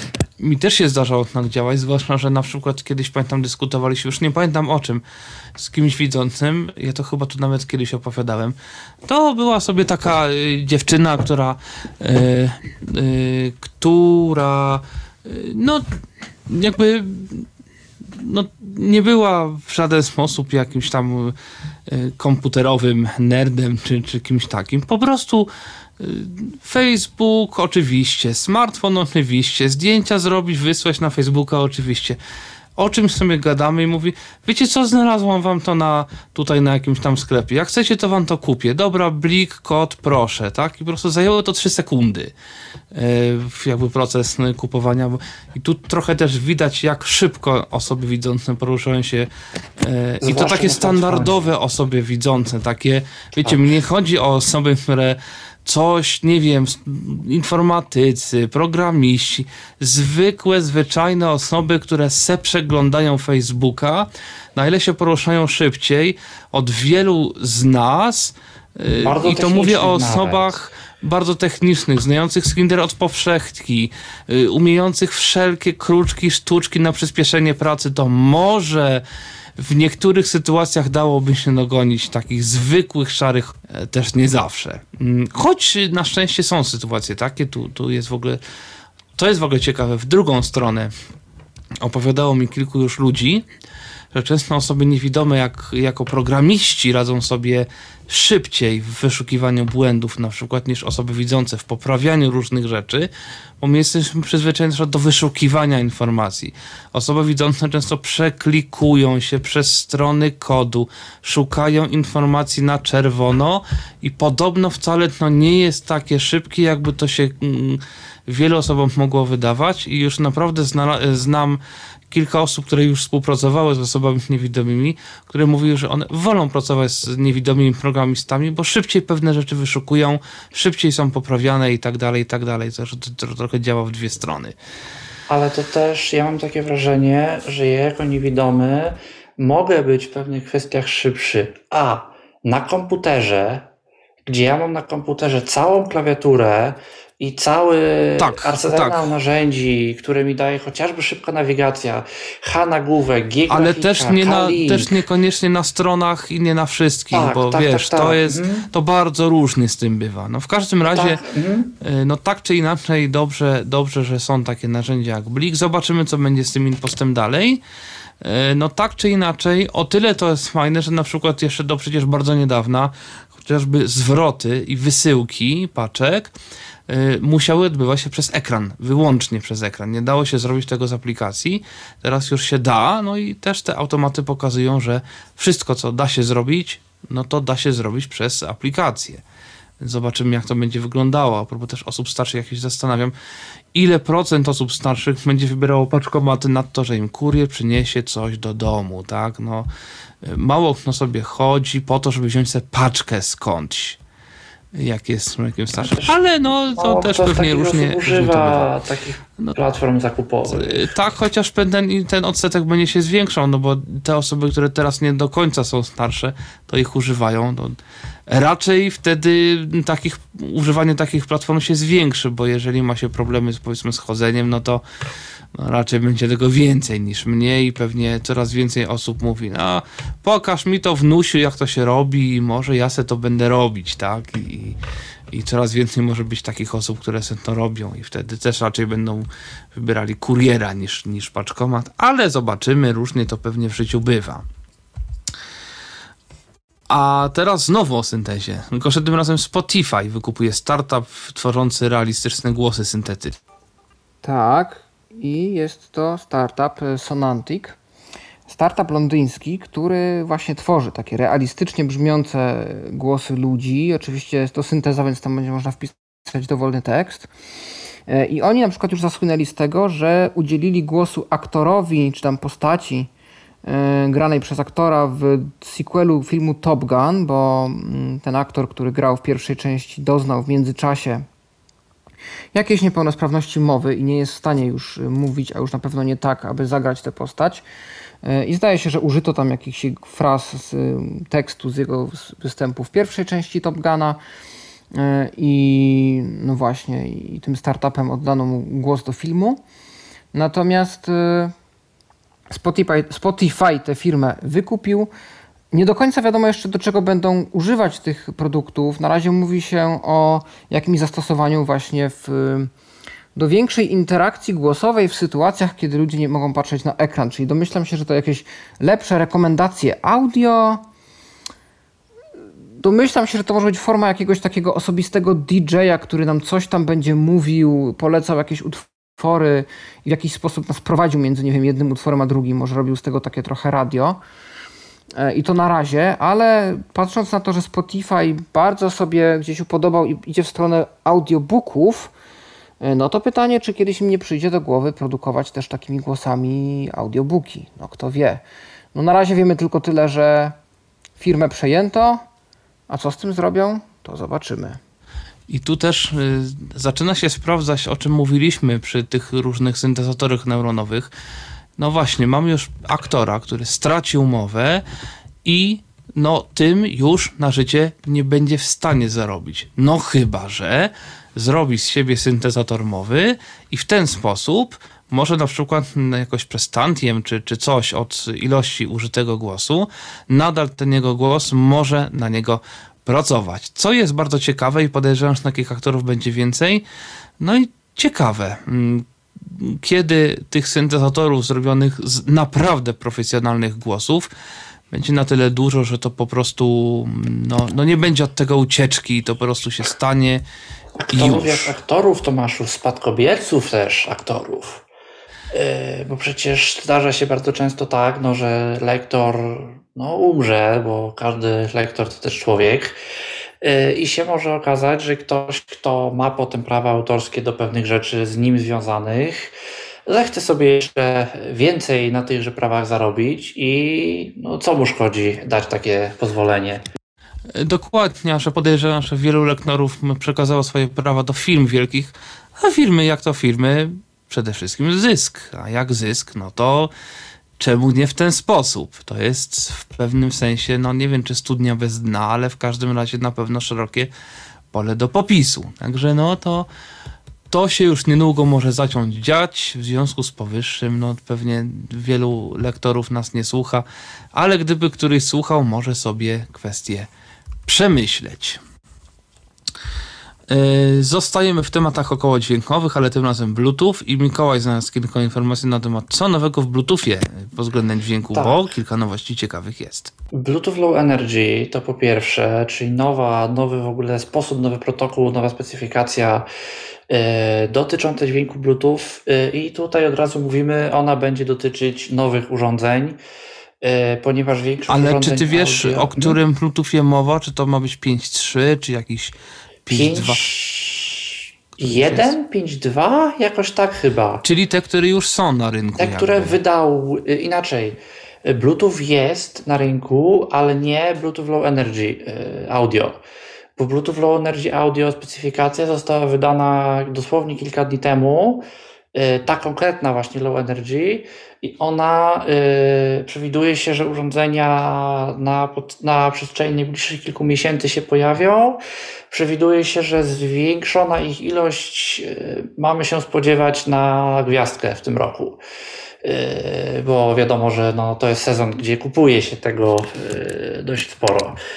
Mm, No i teraz tak, co mamy? Mamy nowy kodek lepszą jak, z lepszą jakością yy, i yy, mniejszym bitrate'em, yy, czyli wysyłając mniej danych możemy mieć lepszą jakość audio. Nie udało mi się tego potwierdzić, ale doszły do mnie takie informacje, zanim to się jeszcze publicznie ukazało, jakoby miano tam wreszcie zrezygnować z tych takich dwóch trybów, z których słynie Bluetooth, czyli trybu, w którym urządzenie działa jakby tylko jako głośnik względnie słuchawki i to jakość mamy dobrą i drugiego trybu, w którym urządzenie działa jednocześnie jako to i jako mikrofon, gdzie ta jakość yy, mocno spada. Podobno będzie możliwość teraz przynajmniej przesyłania audio w dobrej jakości w obie strony. Powiedziała, chciałby się powiedzieć, no wreszcie, bo do tej pory, no jeżeli ktoś używa urządzenia Bluetooth, niezależnie od tego, ile to urządzenie kosztowało, to było to po nim dość wyraźnie słychać. Yy, Mam dość spore wrażenie, że na głosach damskich to było dość mocno yy, wyraźniejsze niż na głosach męskich, yy, zwłaszcza tych troszkę wyższych. Na AirPodsach, które już coś tam próbowały, jest trochę lepiej, ale to nadal nie jest to. Mm, No i teraz tak. Yy, Co mamy? Mamy yy, coś, czego też do tej pory nie mieliśmy, czyli możliwość yy, z jednej strony wysyłania audio poniekąd w kilka stron jednocześnie, do kilku urządzeń jednocześnie, z drugiej strony odbierania też audio z kilku źródeł jednocześnie. I to nie na zasadzie najpierw jedno, jedno się wyłącza, potem drugie, tak jak to do tej pory działało w tym całym trybie bodajże multipoint, yy, tylko to ma podobno być faktycznie, faktycznie kilka, yy, no co pozwoli na przykład na to, żeby kilka par słuchawek, kilka osób jakby z kilkoma słuchawkami yy, podłączyło się do jednego urządzenia i z tego urządzenia czegoś słuchało. Mówi się nawet o takich zastosowaniach jak jakieś miejsca publiczne, mm, w których coś może być odtwarzane i zamiast y, albo nawet do tego, że będzie to odtwarzane w jakichś głośnikach i może być to słychać, wiadomo, różnie, y, może to też być wysyłane po, wysyłane po Bluetoothie, y, bo ta funkcja też ma umożliwiać jakby precyzyjną synchronizację tych, tych strumieni, że to się wszystko w jednym dokładnie momencie będzie wszędzie odtwarzało. Ja tutaj też widzę jako stos- zastosowanie, co na przykład można by zrobić na jedno urządzenie audio odtwarzamy film, na drugie urządzenie audio odtwarzamy audiodeskrypcję. Czyli powiedzmy, nie wiem, telewizor odtwarza sobie film na głośniki, cała rodzina sobie przed tym telewizorem siedzi i ogląda sobie ten film. E, W tejże rodzinie jest sobie jedna osoba niewidoma, ta osoba niewidoma ma założone słuchawki, ogląda i słyszy sobie w tych słuchawkach tylko i wyłącznie audiodeskrypcję, bo tej osobie niewidomej jest ta audiodeskrypcja potrzebna, a reszcie ta audiodeskrypcja potrzebna nie jest. Mm, Też ma być jakieś A tak lepsze... swoją drogą, przepraszam, że tak się wetnę, ale a propos audiodeskrypcji, niedawno siedzę sobie tutaj, jestem teraz w górach u, u teściów, słyszę, leci sobie jakiś chyba serial z audiodeskrypcją. I tak się pytam, e, no czemu? Jak to tak? A to tak nie przeszkadza, to czasem fajnie, że ja się tak sobie gdzieś jestem, a i tak słyszę, co się dzieje i to w sumie mi nie przeszkadza. Także to taka ciekawostka. No tak, no to e, w Stanach była kiedyś taka słynna, słynny dość artykuł, że audiodeskrypcja to się rozpowszechniła wśród tirowców, e, bo się okazało, że no, co ludzie oglądają? Ludzie chcą oglądać filmy. I wiadomo, że książki, wiadomo, że audiobooki, ale zwłaszcza tam książki kosztują, audiobooki kosztują. No, Storytel jest skandynawski, tam jeszcze nie dotarł, streamingu za bardzo nie ma. I jakby t, t, czymś to jest każdy ma, czymś to każdy ma, to są rzeczy typu Netflix. I jakby no, okazało się, że ludzie, właśnie kierowcy, i to tacy kierowcy, nie jadący tam po naście kilometrów, kierowcy jadący tych kilometrów dziesiątki, setki dziennie, a zwłaszcza no, wiemy, jak duże są Stany Zjednoczone i tam dość długo się jeździ, no i się okazało, że to osoby sobie jak najbardziej przyjęły audiodeskrypcję jako no, formę rozrywki. I według jakichś tam szacunków nawet więcej miało być niby tych właśnie kierowców, używających audiodeskrypcji niż osób niewidomych. Więc to jest też ciekawe. Natomiast taka ciekawostka jeszcze a propos autodeskrypcji, choć nie tylko, bo pojawił się niedawno na YouTubie jakiś taki filmik na takim kanale typu gość, to, się chyba nazywa Sprawdzam jak? Ten kanał? Tam gość, nie wiem, wciela się, że tak powiem, znaczy tam, nie wiem, yy, przez 24 godziny jest gdzieś bez pieniędzy, bez mieszkania, bez niczego i sprawdza jak to jest się bezdomnym, no i w pewnym momencie 24 godziny bez wzroku. No i jakby sprawdzał, jak to wtedy jest, jak się wtedy żyje i tak dalej. Szkoda, że mu się nie udało włączyć talkbacka, bo próbował, ale nie wyszło. Natomiast między innymi obejrzał właśnie film z autodeskrypcją. Mówił, że to mimo wszystko, nie, nie pamiętam jaki to był film, ale no mówił, że to trochę jednak niedosyt jest i to tak mówi średnio. No ale y, niektórzy muszą, także no tak czy inaczej wokół autodeskrypcji można wiele dyskusji y, przetoczyć. Y, to co jeszcze w tym Bluetoothie może tam coś jeszcze jest? Ja, to, to, jakby z tych, z tych głównych rzeczy to właściwie tyle. Ma być jakaś podobno możliwość mniejszej latencji też, co może użytkowników, czytników ekranu ucieszyć. Yy, no i ma być jakieś wsparcie już takie natywne w standardzie dla aparatów słuchowych, bo z tego co wiem do tej pory to było głównie wsparcie w iOSie i jakieś urządzenia zrobione typowo dla iPhone'a. Yy, no teraz to już ma być coś bardziej uniwersalnego i nie do końca ograniczone do jednej pionierskiej firmy, której się chciało x lat wcześniej niż, niż całej reszcie. Mm, no to tyle, jeżeli chodzi o Bluetooth, a teraz nowe mikrokomputerki z Windowsem. To znaczy, to jest y, robione, że niby to ma może, nie, wiem czy zastąpić, bo to trudno mówić o zastępowaniu Raspberry Pi, ale no, w każdym razie wielkość ma być podobna. Raspberry Pi to jest taka płytka 8 na 6 cm na tam, nie pamiętam ile to ma wysokości, niecały centymetr chyba, czy centymetr może jakoś, coś koło tego. W każdym razie, na tych komputerkach ma być możliwość uruchomienia, znaczy możliwość, no, ma, no tak, no ma być możliwość uruchomienia Windowsa, bo tam mają być od sierpnia, zdaje się, procesory Intela. Ma być wersja z Celeronem, z Atomem i tam z Pentium którymś tam nowszym. E, któreś mają być dwurdzeniowe, któreś mają być czterordzeniowe, 2, 4, 8 giga RAMu, pamięć taka wlutowana chyba 32 albo 64 giga. Ceny, no teraz jest jakaś przedpremiera, chyba jeszcze jest albo nie ma. Y, I to się chyba zaczyna od jakichś trochę ponad 600 czy 650 zł, czy coś koło tego. Za tą najtańszą wersję kończyć się to ma na 1000 mniej więcej, 300 chyba złotych, jakoś tak. Y, w każdym razie, no jest specyfikacja tych komputerków, one tam mają jakieś porty USB, y, takie porty jak Raspberry Pi, czyli czy tam Pi, czyli te takie wielopinowe takie porty, do których można sobie podpiąć coś. Nie wiem, czy nie mają być jakiegoś wejścia audio, zdaje się HDMI, No ale, no i tak, nie mają mieć żadnego zasilania, żadnego, żadnego, nie wiem, chłodzenia aktywnego, żadnego monitora, klawiatury.